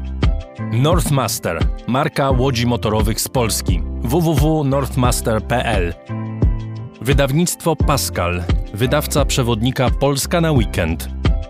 Firma Software Mill, od zawsze zdalni programują dla całego świata. Dom wydawniczy Muza, bo świat nie jest nam obojętny. Pure Play transparentna agencja mediowa digital i doradca w budowaniu kompetencji in-house. Uber myślimy globalnie, działamy lokalnie. Agnieszka i Sławek Zawadzcy. A także Budros pompy ciepła. Gruntowe pompy ciepła dla budynków przemysłowych i wielorodzinnych. Kompleksowa obsługa. Liceum Błeńskiej Gdańsk-Kowale. Przemyślana edukacja w dobrym miejscu. Piotr Bochnia. Michał Bojko. CIO Net and Digital Excellence. Łączymy ludzi i idee. Grupa brokerska CRB. Ubezpieczenie należności dla Twojej firmy. Bezpłatne porównanie ofert www.grupacrb.pl Duna Language Services Biuro tłumaczeń do zadań specjalnych www.duna.biz Flexi Project kompleksowy i intuicyjny system do zarządzania projektami i portfelami projektów. JMP z miłości do sportu, z najlepszych tkanin w sercu Podhala szyjemy dla Was porządną odzież. Palarnia kawy La Cafo z Augustowa. LSB Data. Dedykowane aplikacje internetowe dla biznesu. Masz pomysł? Zrealizujemy go. lsbdata.com Wydawnictwo Uniwersytetu Łódzkiego. Wydawca książek serii Krótkie Wprowadzenie. Wszystko, co trzeba wiedzieć. Leszek Małecki. Aplikacja Moja Gazetka. Polska proekologiczna aplikacja zakupowa z gazetkami promocyjnymi i nie tylko. Moja Gazetka. Kupuj mądrze. Firma Prosper z Sosnowca, hurtownia elektroenergetyczna i właściciel marki Czystuś. Firma ODO24. Optymalny kosztowo outsourcing ochrony danych osobowych ODO24.pl. Tatrzański Festiwal Biegowy Tatra Sky Marathon. 22 lipca biegamy w sercu Tatry i gminy Kościelisko. Tixto.pl. Niezależny serwis biletowy. Sprzedamy bilety na Twoje wydarzenia kulturalne i sportowe. Drukarnia cyfrowa totem.com.pl dla nas książka zasługuje na najwyższą jakość. Fundacja Wasowskich, opiekująca się spuścizną Jerzego Wasowskiego i wydawca książek Grzegorza Wasowskiego. Szczegóły na wasowscy.com. Michał Wierzbowski. Wayman oprogramowanie wspomagające firmy inżynieryjne w zarządzaniu projektami, stworzone przez polskich inżynierów dla sektora projektowego. www.wayman Software. Zen Market, pośrednik w zakupach ze sklepów i aukcji w Japonii. Zen Market JP. Dziękuję bardzo. To dzięki Państwu mamy raport o stanie świata.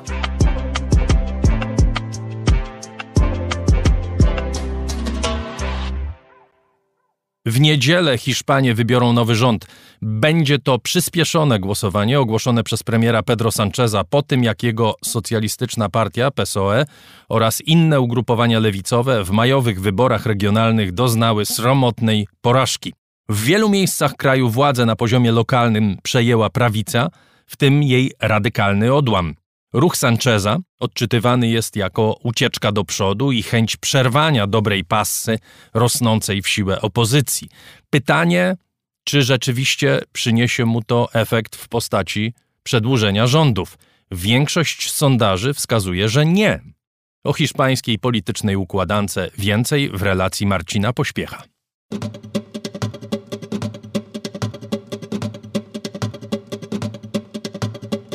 No, no, eso, eso no es un, y un error, error jurídico. No déjeme terminar, señor Feijóo. Yo le he escuchado porque es que yo tengo muchos más ejemplos en Castilla. Majowe wybory do lokalnych władz dla hiszpańskiej lewicy okazały się kubłem zimnej wody wylanym na głowę.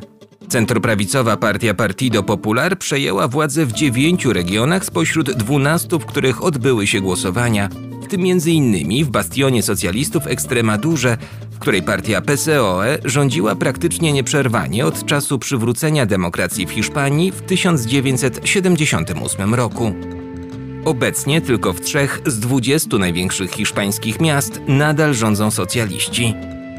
By uniknąć wewnętrznych partyjnych rozliczeń po klęsce w wyborach lokalnych, a zarazem odwrócić niekorzystny trend, lider PSOE, premier Pedro Sánchez, zdecydował się na pokerową zagrywkę przyspieszone wybory. En este contexto Biorąc pod uwagę wynik ostatnich wyborów oraz sytuację geopolityczną, w jakiej się znajdujemy, uważam, że konieczne jest, by Hiszpanie wyrazili swoją wolę, by jasno powiedzieli, jakiej polityki i jakiego rządu chcą. Jest tylko jeden sposób, by się o tym przekonać. Tym sposobem jest droga demokratycznych wyborów. Dlatego uważam, że Hiszpanki i Hiszpanie powinni przemówić i wskazać kierunek, w którym będzie podążał nasz kraj.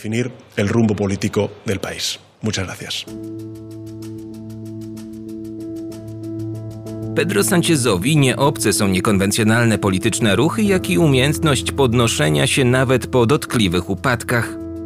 Pytanie, czy tym razem będzie podobnie.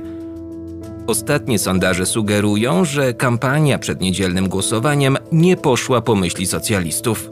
Największym poparciem niezmiennie cieszy się centroprawicowa Partido Popular, która wyprzedza PSOE o 6 punktów procentowych.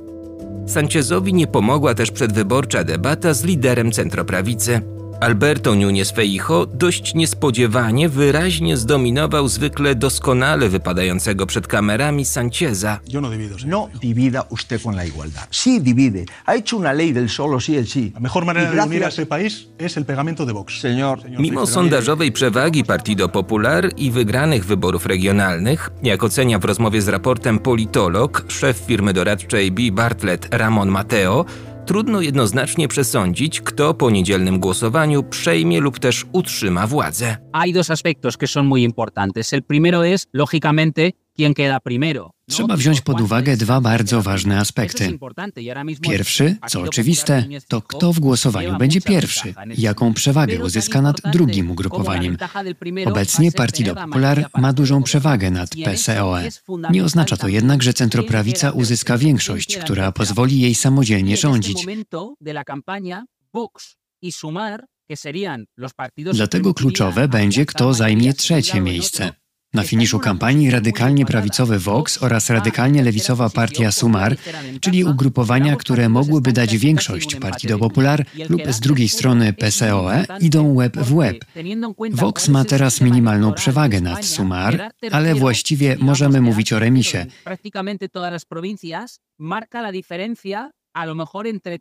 To no bardzo ważne, biorąc 20 y pod 30 uwagę, jak escaños, skonstruowany 30 jest diputados. system wyborczy w Y Hiszpanii. Partia, która zajmie trzecie 130 miejsce w de zdecydowanej większości prowincji otrzymuje od provincias más 20 do pequeñas 30 pueden ser dodatkowych miejsc w parlamencie i to one mogą decydować, kto e faktycznie będzie miał większość. Realny jest więc scenariusz, że centroprawica spod znaku Partido Popular zabierze głosy prawicowym radykałom z Vox i ta partia spadnie na czwartą pozycję. El W konsekwencji blok prawicowy w sumie może nie mieć większości. A więc gra toczy się teraz o y to, by zwiększać swoje no poparcie, ale nie kosztem potencjalnego sojusznika. Utrzymanie tej równowagi jest kluczowe.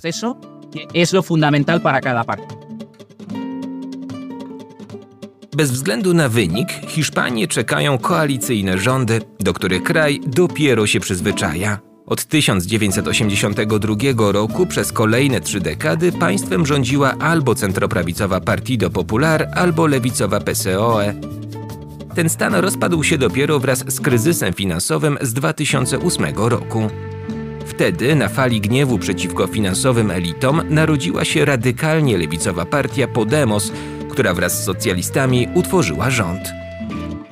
Ale sporo działo się także po drugiej stronie politycznej barykady.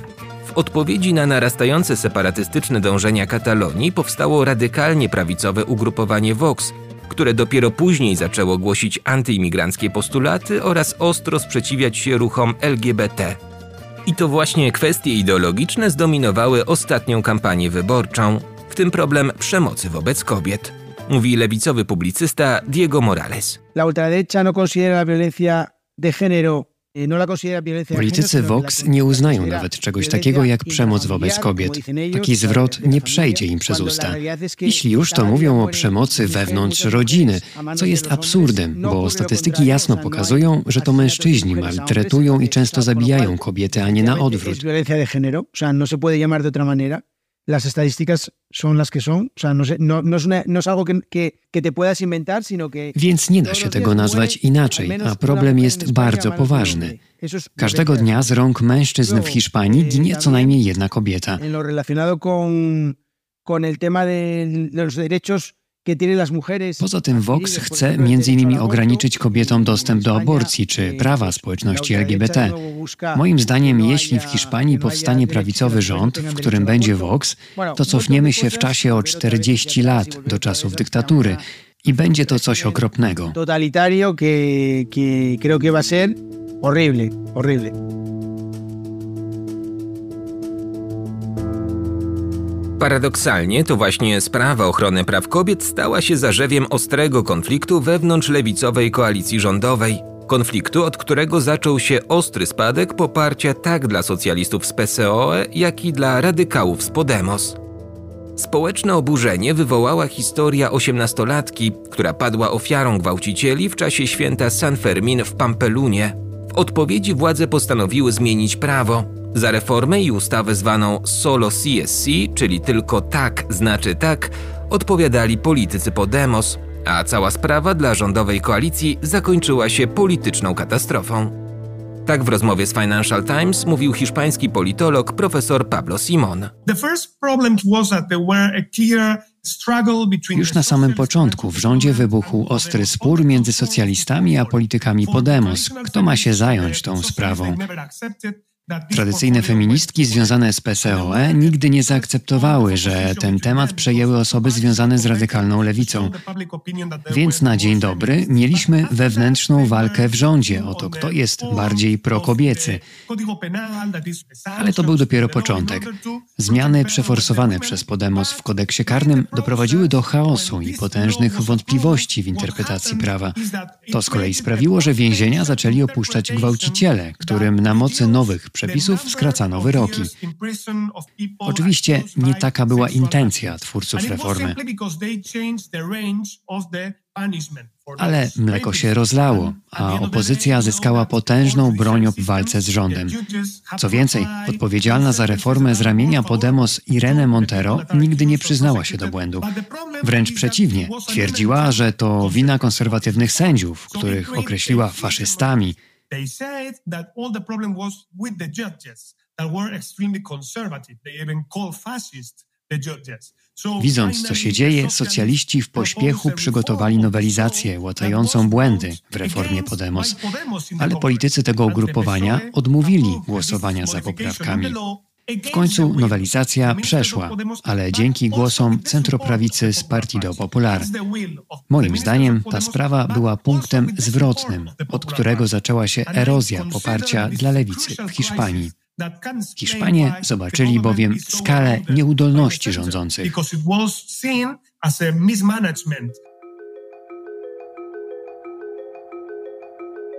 Cenę za ten błąd hiszpańska lewica płaci do dziś. Partia Podemos została zmarginalizowana i zastąpiona przez nową formację Sumar. Rozłam w koalicji rządowej i konieczność dobierania głosów tak, by utrzymać większość, spowodował, że premier Pedro Sánchez zaczął dogadywać się z separatystycznymi partiami z Katalonii i kraju Basków. I to także dało paliwo opozycji.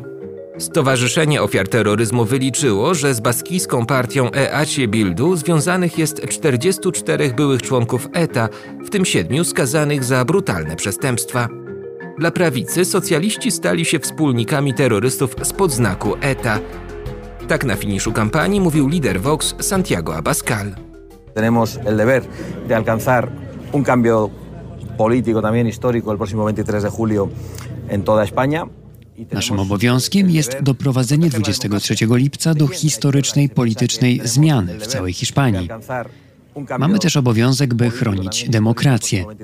Przed kim? Oczywiście przed lewicą, która uważa, że demokracja należy tylko do niej.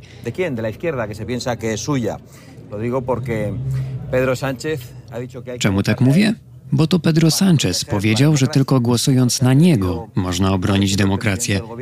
Więc chciałbym mu powiedzieć, że zdobył władzę okłamując Hiszpanów i dogadując się z wrogami porządku konstytucyjnego w naszej ojczyźnie.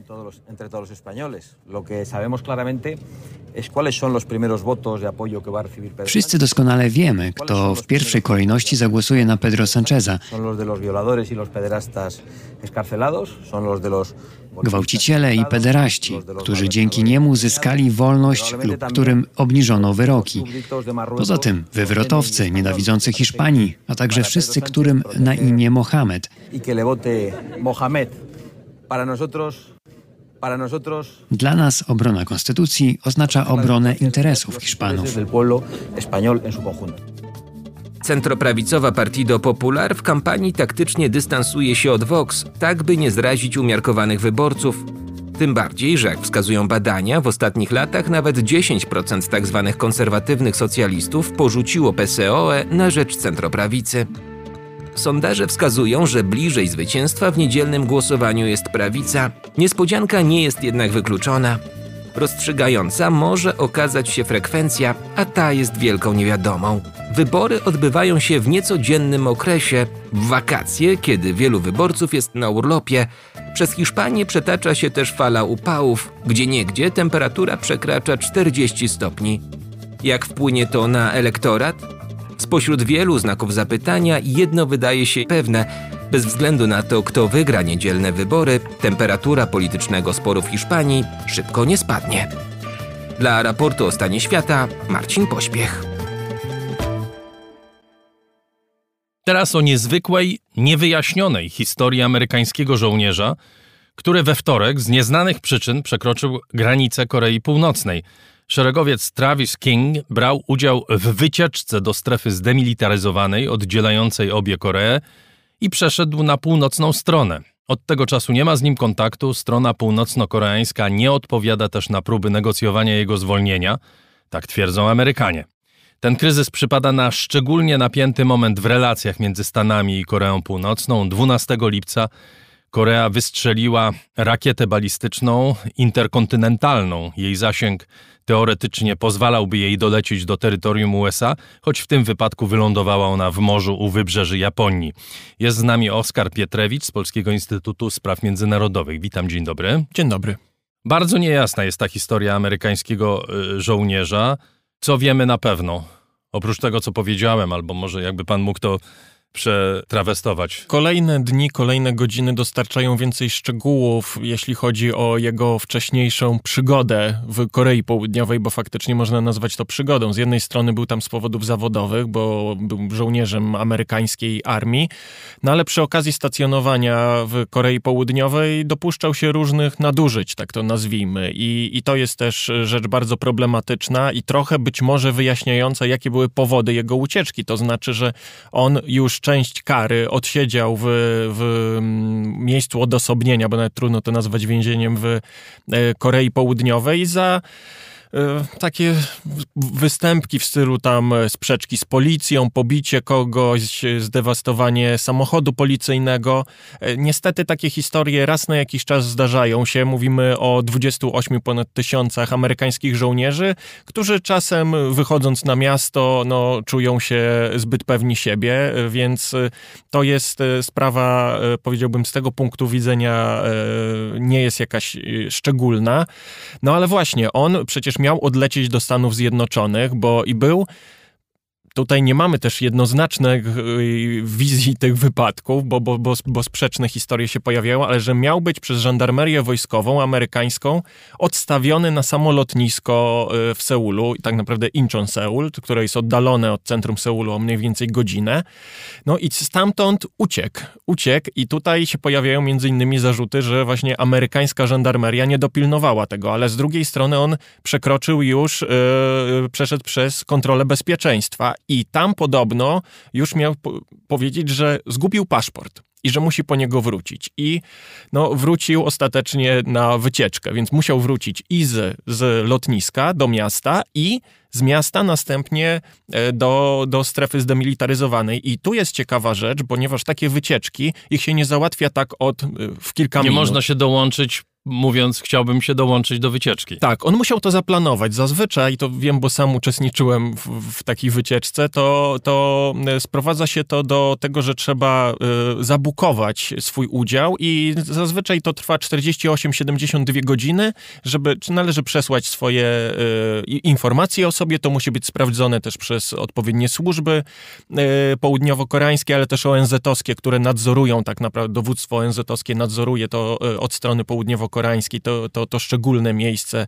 e, na świecie i więc to e, wymaga wcześniejszego przygotowania. Więc skoro on pojechał na tą wycieczkę, to znaczy, że on już wcześniej e, spełnił te wszystkie formalności, więc on sobie tę ucieczkę zaplanował. To nie był jakiś spontaniczny efekt, że, że w przypływie nie wiadomo czego on uznał, że na lotnisku uciekam na. No właśnie, wycieczkę. zaplanował sobie, że eskorta amerykańskiej żandarmerii nie będzie reagowała, kiedy on ucieknie, albo zaplanował, że po prostu zostawią go po przekroczeniu niby po zaczekowaniu się na samolot przedziwne w związku z tym, że przecież był on karanym żołnierzem, prawda? Tak jest, on jechał tak. do Stanów Zjednoczonych, żeby odsiedzieć tak. jeszcze dalszy ciąg kary. Tak, miał wsiąść e, w, w, samolot lecący do Dallas i tam prawdopodobnie czekała go jakaś kara taki, no i właśnie skoro, a to się wpisuje tak naprawdę w podobne historie z ostatnich kilkudziesięciu lat, a takich historii nie było wiele, bo siedem poprzednich było takich osób, które uciekały z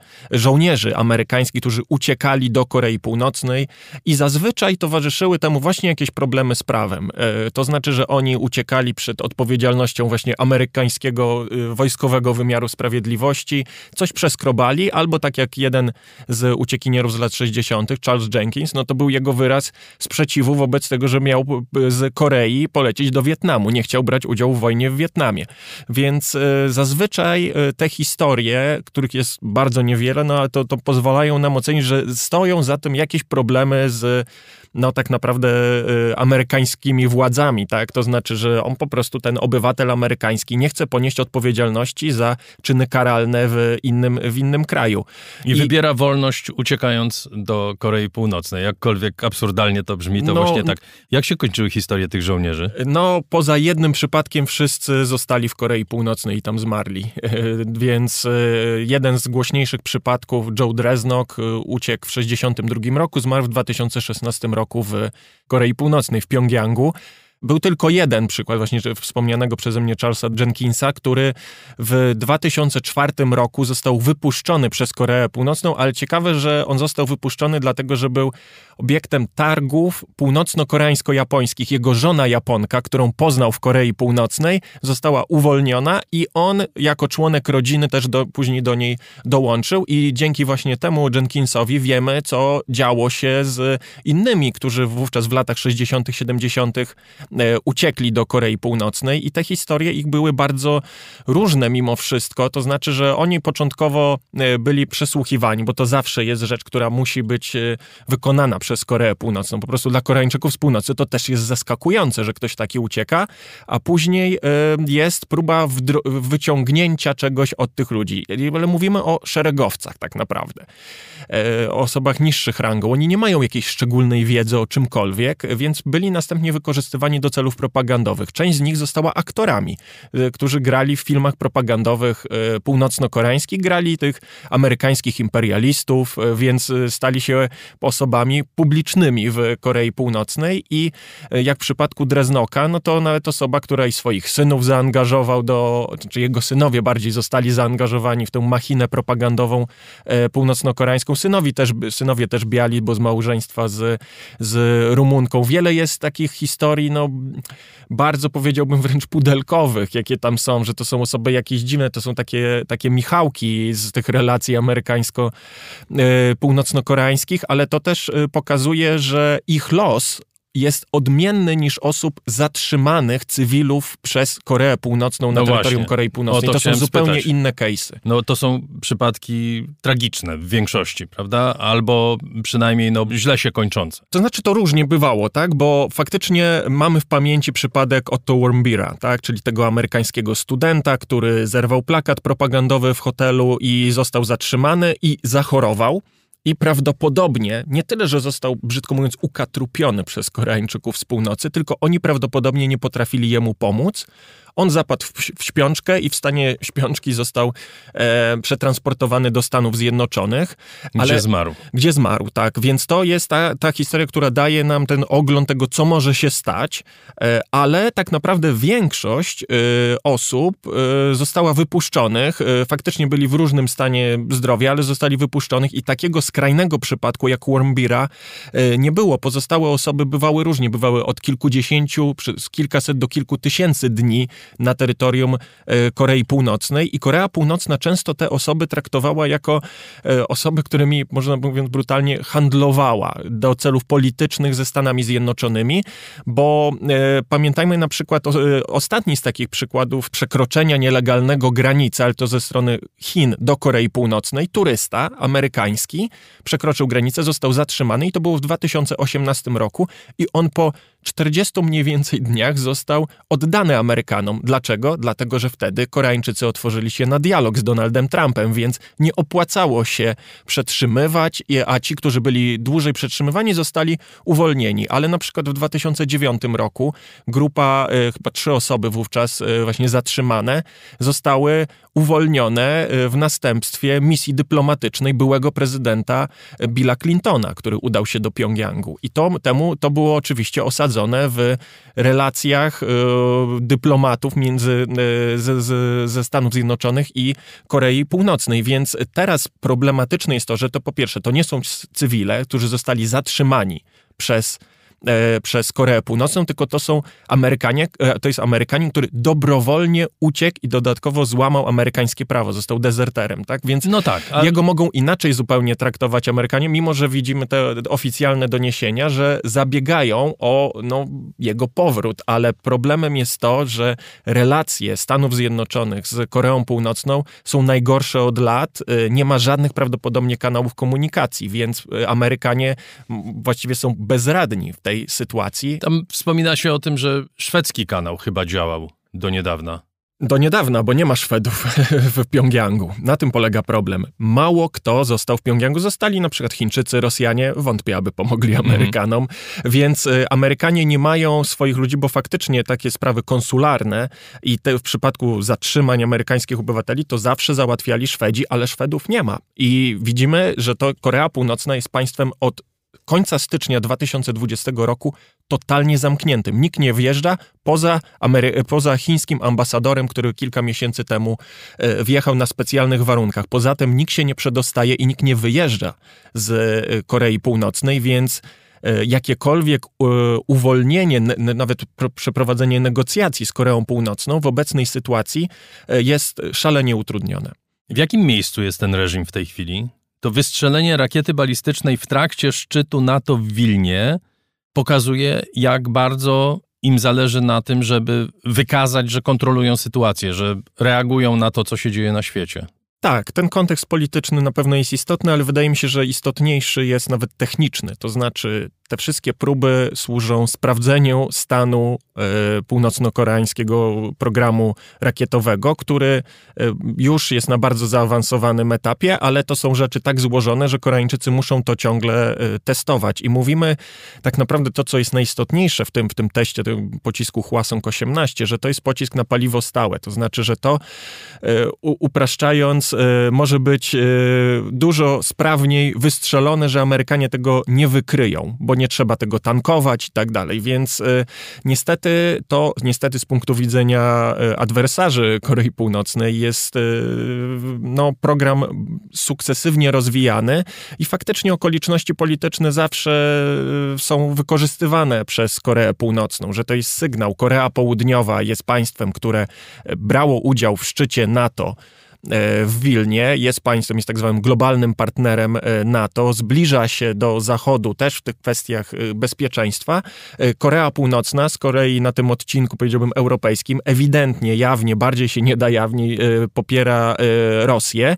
No i sygnalizuje, że po prostu te, te sprawy ma pod kontrolą, że, żeby nie zapominać o niej, ale też z mojej perspektywy ja widzę także jest mimo wszystko mniejsze zainteresowanie tym niż jeszcze kilka lat temu. To znaczy, Koreańczycy częstotliwością tych prób też doprowadzili do tego, że my się przyzwyczailiśmy. I to jest też dla nich bardzo istotne, bo oni tą swoją robotę wykonują, e, a że nie zawsze temu jest nadany jakiś wielki status polityczny, mam wrażenie, że oni teraz nawet nie są w ogóle zainteresowani jakimikolwiek rozmowami. Oni się zamknęli na rozmowy ze Stanami Zjednoczonymi, z Koreą Południową, tak naprawdę rozwijają relacje wyłącznie z dwoma państwami Chinami i Rosją.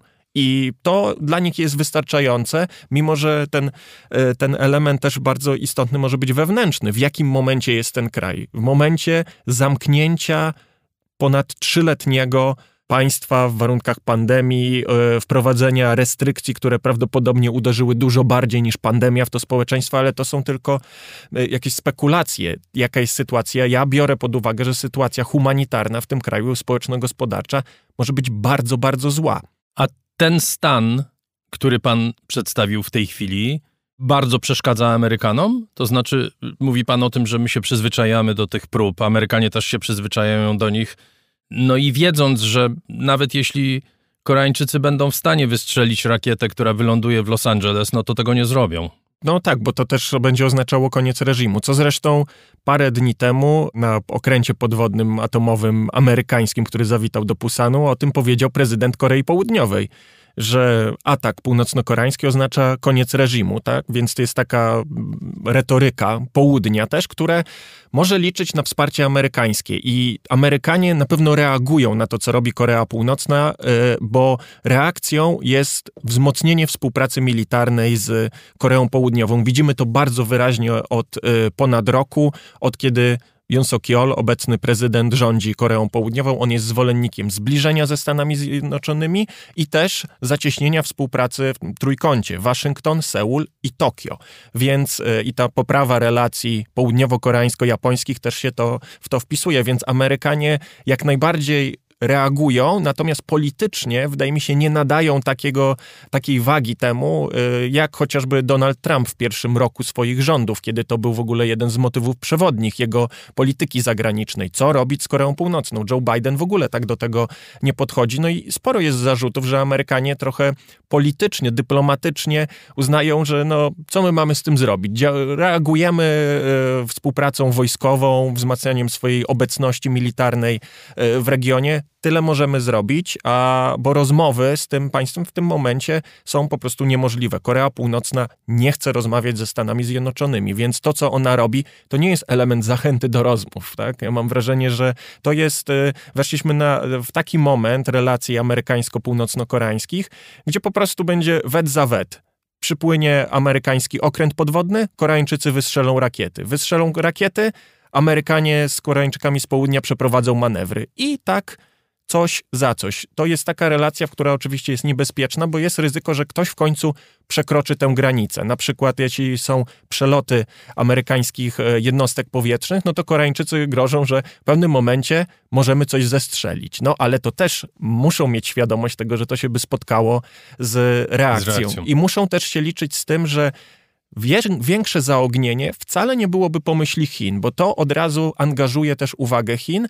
i jako państwa, które jest jedynym traktatowym sojusznikiem e, Korei Północnej. Więc to jest taka gra do pewnego momentu, e, ta gra napięć, ale nie można przekroczyć tej linii. Pytanie, gdzie jest ta linia? Tak więc to, to też jest tak, że w tej relacji Korea Północna e, stara się zawsze, że to ona postawi kropkę nad i, że to ona pokaże coś, na co nie może być adekwatnej reakcji drugiej strony, ale widzimy tę ogromną mobilizację po stronie i Amerykanów, i Koreańczyków z południa, żeby naprawdę rozwinąć tę współpracę wojskową na skalę, jakiej tak naprawdę nie było. Może sobie z tego nie zdajemy sprawy, jesteśmy pochłonięci tutaj wschodnią flanką, co się dzieje, ale tamte manewry są pod wieloma względami w ostatnich miesiącach to są największe manewry, jakie kiedykolwiek były między Koreą Południową a, a Stanami Zjednoczonymi, więc Amerykanie robią naprawdę dużo w tym wymiarze wojskowym, żeby dawać do myślenia Koreańczykom z północy, że jeśli przekroczą granicę, to odpowiedź będzie miażdżąca.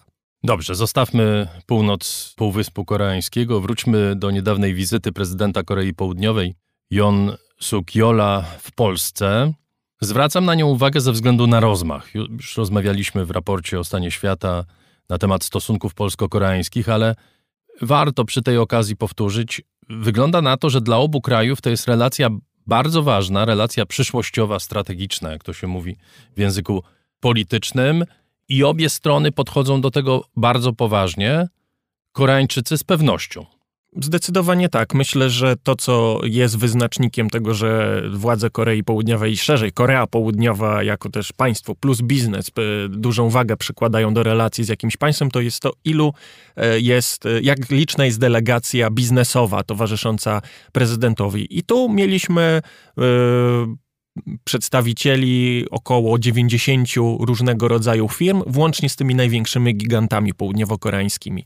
E, więc e, jak najbardziej jest Polska traktowana przez Koreę Południową jako miejsce szalenie atrakcyjne inwestycyjnie, ale też e, jest, też są te nowe obszary współpracy, które bardzo wybrzmiały w trakcie tej wizyty, bo miejmy, pamiętajmy o tym, że prezydent Yoon najpierw polecił do Wilna, więc jest kontekst, angażuje się Korea Korea Południowa we współpracę z Sojuszem Północnoatlantyckim, e, więc jest kontekst bezpieczeństwa.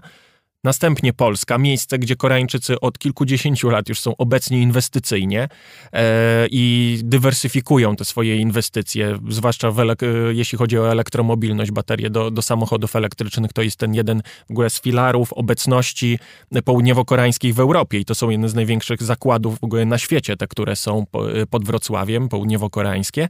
E, ale mamy też e, kontekst Ukrainy, bo przecież e, Jun po wizycie w Warszawie udał się do Kijowa i podkreślał w trakcie rozmów z polskimi władzami, że Polska jest naturalnym partnerem dla Korei Południowej w procesie powojennej odbudowy Ukrainy. Na razie mamy ogólniki ale już podpisane zostały umowy i międzyrządowe, ale też biznesowe, że jeśli Koreańczycy mieliby wchodzić na przykład w odbudowę infrastruktury transportowej, e, infrastruktury energetycznej, e, budowę smart cities, bo takie też projekty są planowane na przykład dla Kijowa, e, to widzą Polskę jako państwo, z którego ta ekspansja na Ukrainę by się zaczęła, że tutaj należy skorzystać też z wiedzy Polaków i ze współpracy z polskimi podmiotami.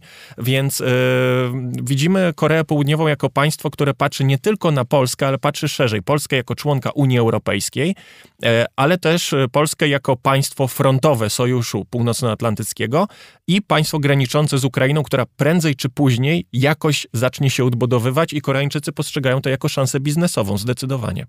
I kiedy się patrzy na te gałęzie biznesu, które miałyby się rozwijać w tej współpracy, mówimy o przemyśle nuklearnym, oczywiście zbrojeniowym, prawda? No, wiemy, jak wiele broni e, Polska ma zamiar zakupić i już zakupiła w Korei inwestycje na wielu polach, porty morskie, być może ten centralny port lotniczy. Wspomniał Pan o współpracy y, w dziedzinie odbudowy Ukrainy. No ale to jest relacja bardzo nierówna. No, z drugiej strony my im tam przekazujemy kosmetyki, zdaje się, głównie i tego typu tak, rzeczy. Tak, zwłaszcza nawet na... produkty rolne chyba nie trafiają do Korei. To jest rzecz negocjowana, już są finalizowane rozmowy w sprawie tego, żeby y, polskie mięso różnego rodzaju trafiło na y, rynek południowo-koreański, co było bardzo trudne. To jest bardzo protekcjonistyczne podejście Koreańczyków do, do towarów rolno-spożywczych. To tak naprawdę jest to, co Polska przede wszystkim może zaoferować, bo faktycznie ta oferta polska Polska, jeśli chodzi o produkty rolno-spożywcze, jest atrakcyjna. No w elektronice ich nie pobijemy. No zdecydowanie nie. Natomiast jest tak, że e, z jednej strony faktycznie odnotowujemy ogromny deficyt, ponad 8 miliardów, ponad 8 miliardów dolarów, a wymiana handlowa jest około 10 miliardów dolarów, więc faktycznie relacja zdecydowanie nierówna w wymiarze handlowym, a dodatkowo w wymiarze inwestycyjnym to no, jeszcze niekorzystniej na, dla nas wygląda, jeśli tak zestawimy no, nasze inwestycje inwestycje są znikome. Tam mówimy o firmie Selena, od chemii budowlanej i Tovimor od, z branży okrętowej, ale to są, to są e, fistaszki w porównaniu z tym, co robią Koreańczycy. Natomiast e, jest element bardzo istotny w tej relacji, to znaczy, że Koreańczycy oferują transfer technologii w różnych obszarach. I to jest bardzo istotne, co wyróżnia ich i w przemyśle zbrojeniowym, ale też w energetyce jądrowej i też w tych inwestycjach wysokich technologii. To znaczy, że oczywiście oni na tym zarabiają. My jesteśmy miejscem dla nich ekspansji na kolejne rynki, ale my też y, mamy możliwość wykorzystania współpracy z Koreańczykami dla budowy własnego potencjału w tych obszarach. Więc y, oczywiście tutaj, jeśli spojrzymy na cyferki, to faktycznie ten deficyt jest duży, ale wydaje mi się, że e, Polska e, jednak traktuje tę relację jako coś, że my ciągle możemy naprawdę dużo uzyskać od Koreańczyków, e, jako państwa, które też wchodzi na te rynki, na przykład w sektorze zbrojeniowym, oni wchodzą na szalenie trudny rynek, zdominowany przez Amerykanów i firmy europejskie, w tym zwłaszcza niemieckie. I oni pokazują, że nie tylko, że oni wchodzą, ale że widzą w Polsce partnera do współpracy przemysłowej, bo to też będzie bardzo atrakcyjne dla e, Korei Południowej, żeby ich uzbrojenie trafiało na rynki europejskie nie z Korei, bo to płynie 8 tysięcy kilometrów, tylko żeby były już produkowane gdzieś w Europie i tutaj trwają negocjacje od wielu miesięcy między polskim przemysłem a południowo-koreańskim, żeby udział polskich firm w modernizacji tego sprzętu, w jego serwisowaniu, remontowaniu i produkowaniu był jak największy, więc e, wydaje mi się, że e, takie jest podejście polskich przedsiębiorstw i też polskich władz do relacji z Koreą Południową. Nie będziemy się z nimi ścigać na, na inwestycje czy konkurowanie z elektroniką, ale ale, ale wydaje mi się, że jednak jakiś efekt y, synergii w tej relacji jest jak najbardziej osiągalny. Oskar Pietrewicz z Polskiego Instytutu Spraw Międzynarodowych był gościem raportu o stanie świata. Dziękuję bardzo. Dziękuję. Teraz czas na spotkanie z naszym specjalistą od spraw skomplikowanych.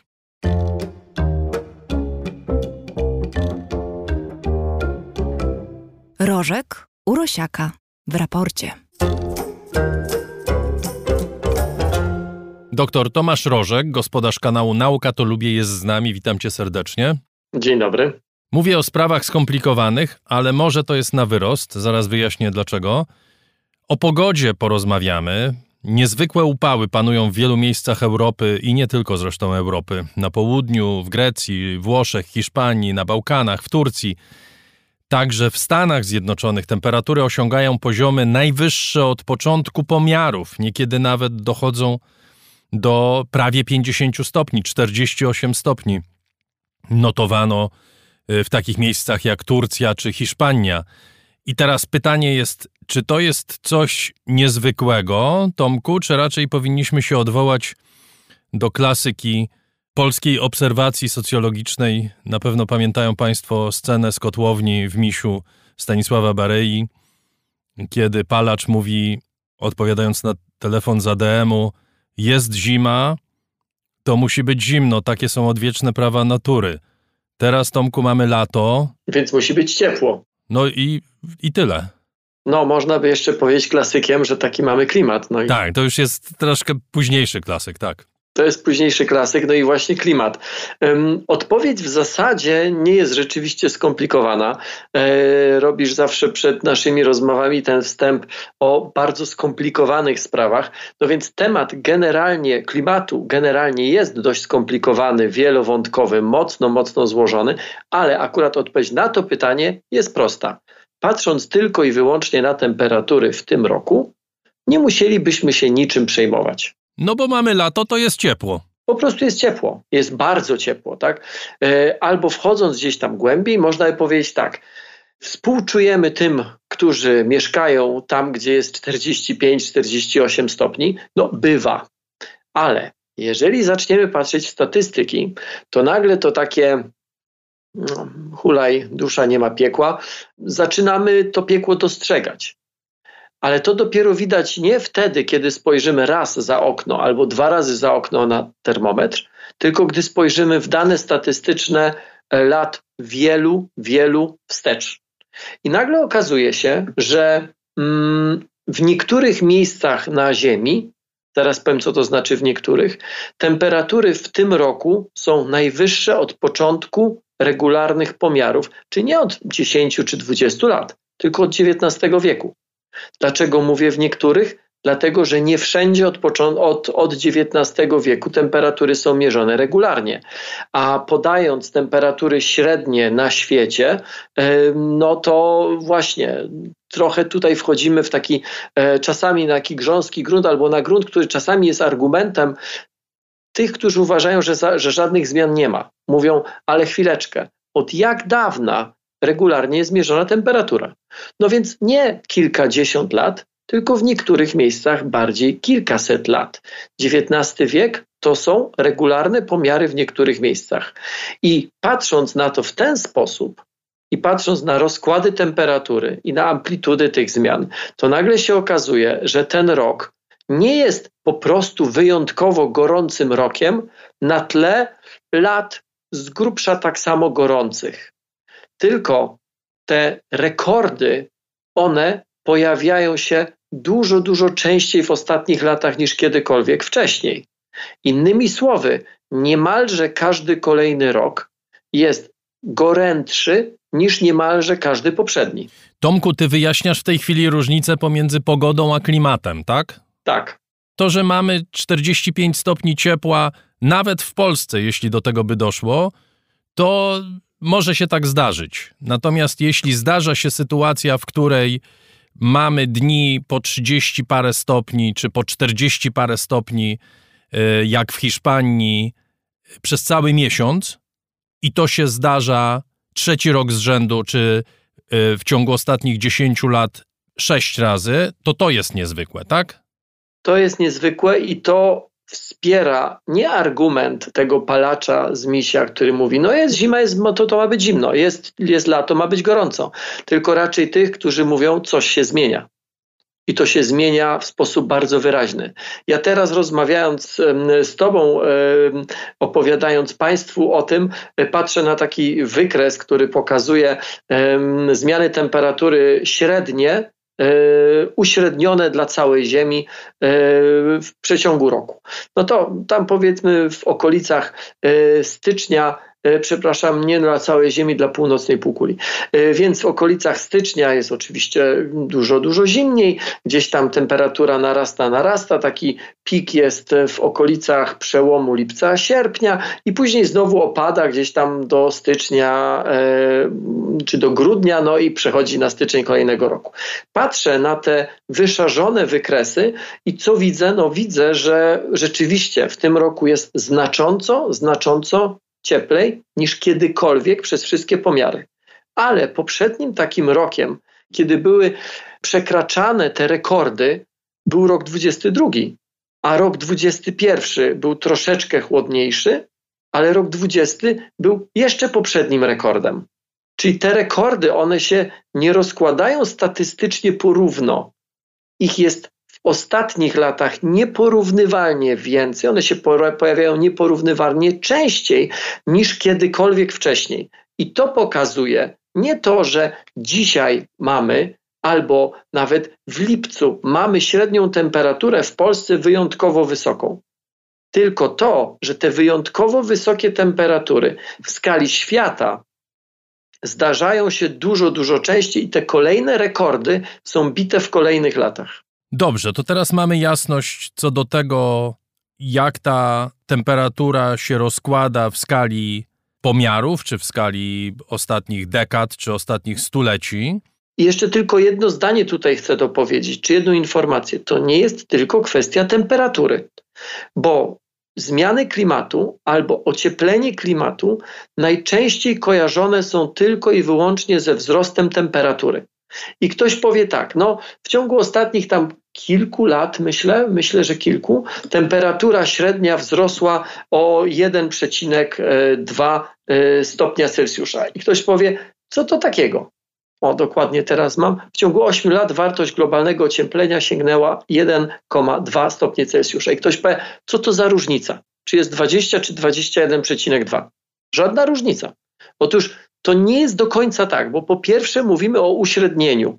Są miejsca, gdzie ten wzrost jest znacząco większy i takimi miejscami na przykład są nasze bieguny. Biegun północny chociażby. Na, więc, więc to jest średnia, ale nawet gdyby chodziło tylko o tą średnią, no to jeżeli ktoś ma 36,6 stopnia Celsjusza temperaturę ciała, to jak podniesiemy to o 1,2 stopnia, to nagle się robi 37,8, prawie 38. To już jest gorączka. No tak, ale oczywiście to jest analogia, ale przepraszam, nie wiem czy do końca trafiona, no bo czym innym jest temperatura ziemi i powietrza, czym innym jest temperatura ciała nie do końca jest nietrafiona, dlatego że zarówno globalny system jak i system naszego ciała, one są ustabilizowane w jakichś warunkach. I oczywiście, jak y, wyjdziemy na pełne słońce, to, nasz, to temperatura naszego ciała będzie wyższa i zostanie włączony mechanizm, żeby ją obniżyć. Bo to niebezpieczne. Jak wyjdziemy źle ubrani na mróz, to temperatura ciała nam się zacznie obniżać. Jest cała masa różnych urządzeń, nazwijmy to w cudzysłowie, mechanizmów, które zaczynają ją podnosić. Stąd jak przykład mamy drżenie mięśni po to, żeby wytworzyć wyższą temperaturę, gdyż zmiana jakakolwiek e, jest niekorzystna, jest wręcz niebezpieczna. I to dokładnie tak samo działa w przypadku Ziemi przypadku e, całego systemu klimatycznego, który ma bezpośrednie przełożenie na życie. Owszem, jednorazowe e, przesunięcie nie robi dużo, ale jak zaczyna się pojawiać pewien trend, to 1,2 albo 1,5, a mówimy o uśrednionej, bo tak mówię, są miejsca, gdzie ten wzrost jest znacząco większy, to to robi dużą różnicę. Ale to nie jest tylko kwestia samej temperatury to jest temperatura w zasadzie jest tylko takim, jakby to powiedzieć, uwidocznieniem tego problemu. W naszej atmosferze jest coraz więcej energii. Ta energia jest magazynowana w wiązaniach, w cząsteczkach tak zwanych gazów cieplarnianych. Ta energia to jest energia słoneczna, która nagrzała Ziemię, powierzchnię Ziemi, została od tej powierzchni odbita i powinna w większej części ulatywać w kosmos. Niestety, część z niej, zamiast ulatywać w kosmos, zostaje zatrzymana w naszej atmosferze. I to skutkuje wyższymi temperaturami, o czym rozmawialiśmy, ale to także skutkuje częstszymi, znacznie częstszymi, ekstremalnymi zjawiskami pogodowymi. W przypadku Polski to są na przykład burze nawalne, a kiedy indziej susze. I znowu ten temat jest skomplikowany, bo patrząc na statystyki tak bardzo powierzchownie, ktoś mógłby powiedzieć, nic się nie dzieje, wszystko jest w normie, bo w Polsce średnia opadów w ciągu roku z grubsza jest taka sama od dłuższego czasu. Ale jak zaczniemy się w to wczytywać głębiej, to się okazuje, że może i ilość wody spadająca na głowę jest mniej więcej taka sama, to charakter tych opadów zasadniczo się zmienił. Burze, które kiedyś czy deszcze, które kiedyś trwały długo i nie były specjalnie uciążliwe, dzisiaj są krótkie i są, no właśnie, burzami nawalnymi. A do czegoś takiego nie jest dostosowana na przykład nasza flora i fauna woda nie zdąży wsiąknąć w ziemię, bo jej spada bardzo dużo i ona spływa do rzek. Rzeki nie są przystosowane do przyjęcia tak dużej ilości wody w tak krótkim czasie, więc mamy do czynienia z, z powodziami, nawet takimi chwilowymi. Ale jak ta woda spłynie, to dokładnie w tym samym miejscu za chwilkę może być susza. To są sytuacje, z którymi wcześniej raczej nie mieliśmy do czynienia, a teraz one się pojawiają. I znowu jakby się pojawiły raz, to to jest tak, tak jak z tą temperaturą. Może się zdarzyć, ale jak się pojawiają coraz częściej, to widzimy tą zmianę. Tomku, wspomniałeś o tym, że możemy reagować na to, kiedy zmienia się temperatura w bardzo prosty sposób. Na przykład ubierzemy się ciepło i nasze ciało nie będzie traciło temperatury, mimo że na zewnątrz będzie zimno. My w zasadzie nie mamy wpływu na to, jaka jest temperatura na Ziemi.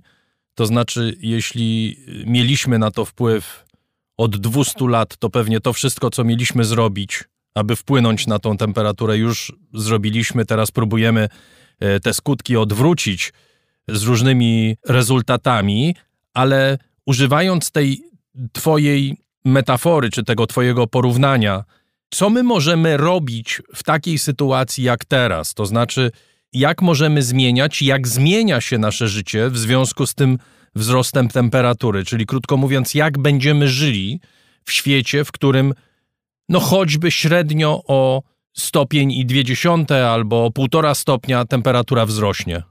Albo na przykład o 4 albo o 5. Tak jak mówię, no to 1,2 to jest uśredniona dla całej planety. Dobrze, jeśli chodzi o przyszłość, to jeszcze ci zadam to pytanie, ale na razie zostawmy tę liczbę. Uśrednienie przez cały rok też troszeczkę nam może zmieniać obraz całej sytuacji. E, natomiast gdybyśmy popatrzyli na konkretne miesiące, to okazuje się, że ta zmiana temperatury to ona nie wynosi 1,2, tylko wynosi znacznie więcej. No dobrze, ale co z tym robimy? Co z tym robimy? No tutaj jest cała długa lista rzeczy, które zrobić powinniśmy, a niektóre wręcz musimy. E, patrząc tak czysto fizjologicznie, po prostu musimy bardzo dużo pić.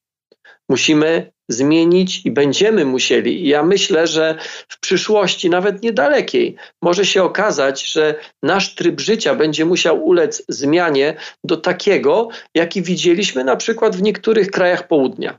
Być może nie tylko w Hiszpanii, Portugalii czy krajach afrykańskich, ale także w Polsce, w Niemczech czy we Francji e, będziemy mieli południową siestę. Nie dlatego, że jesteśmy leniwi, tylko dlatego, że funkcjonowanie w wysokich temperaturach może się okazać po prostu dla nas niebezpieczne. Tomku, super, ludzie się ucieszą.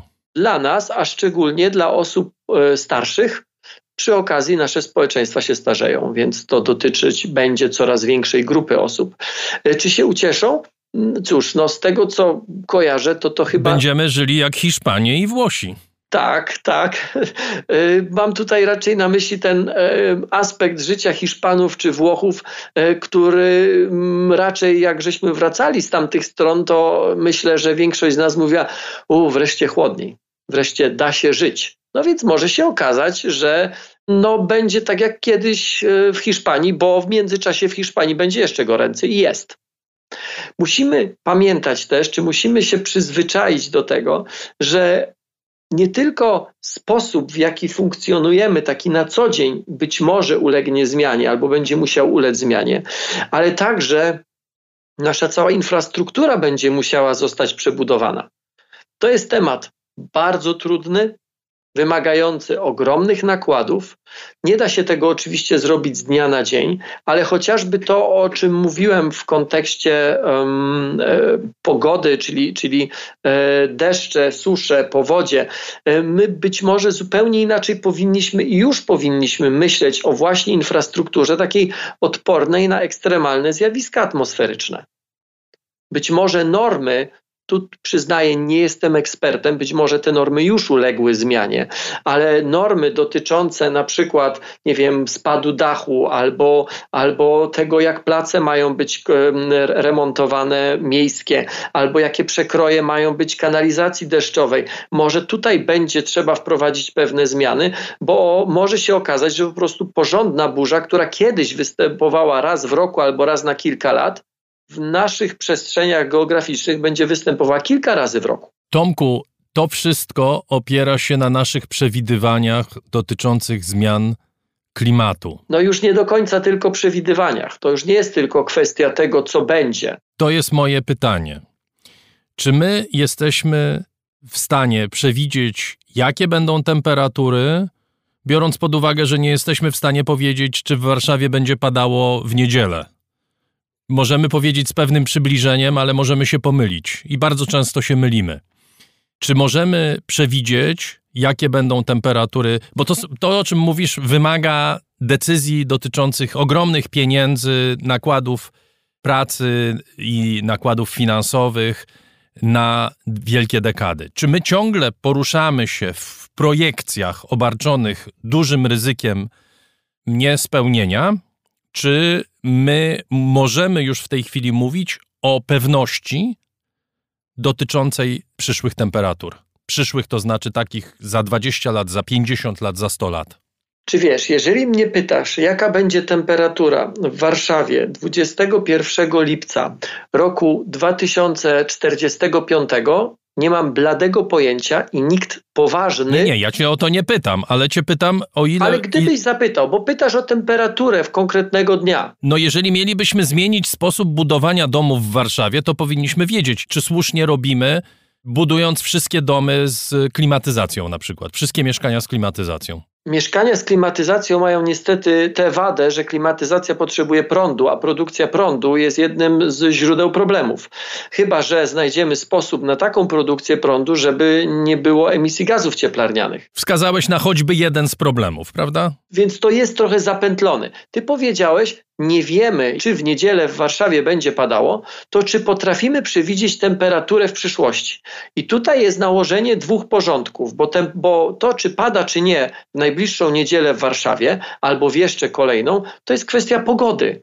Natomiast to, czy my odpowiednio rozpoznajemy trendy czyli czy wiemy, jaka będzie temperatura średnio w Polsce e, za 30 czy za 40 lat, to tutaj paradoksalnie ta pewność wynikająca z uśrednienia jest dużo większa niż e, próba przewidzenia pogody za kilka czy za kilkanaście dni.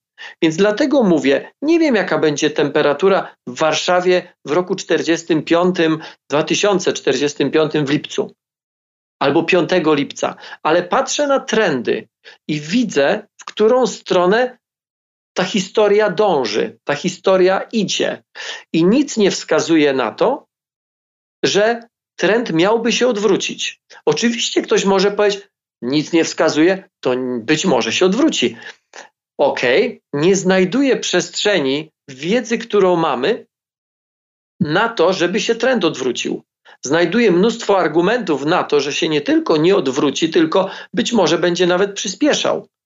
Gdy porównuje się przewidywania sprzed 20 lat dotyczące dnia, w którym jesteśmy dzisiaj, to raczej żeśmy się pomylili niestety w złą stronę.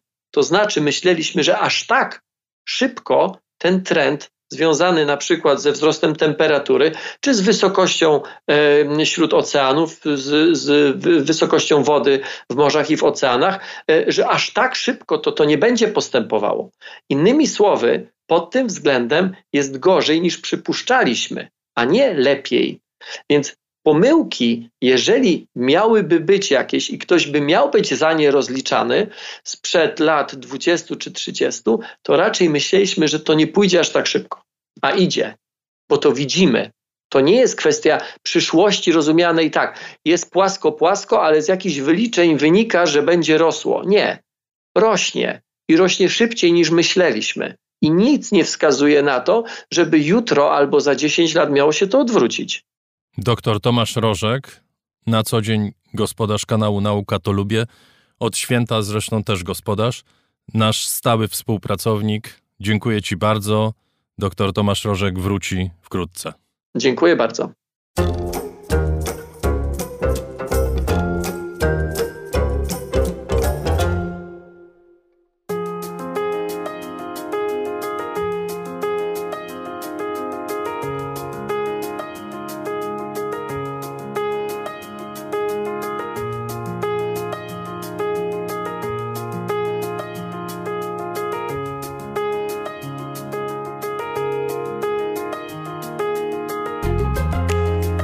To już prawie wszystko w tym wydaniu raportu o stanie świata. Zapraszam serdecznie w środę na sezon nieogórkowy, a potem oczywiście w sobotę kolejne wydanie naszego flagowego programu. Cieszymy się z Adrianem i Agatą na spotkanie z patronami w Sopocie. Przypominam to już w niedzielę. Szczegóły, jeśli ktoś jeszcze nie dostrzegł, na waszych profilach w serwisie patronite.pl i na naszej stronie facebookowej, na grupie facebookowej. Zapraszamy wszystkich, prosimy tylko o potwierdzenie obecności. Adrian Bąk, Chris Wawrzak, Dariusz Rosiak, do usłyszenia. Miłych dni z raportem w uszach i w duszach.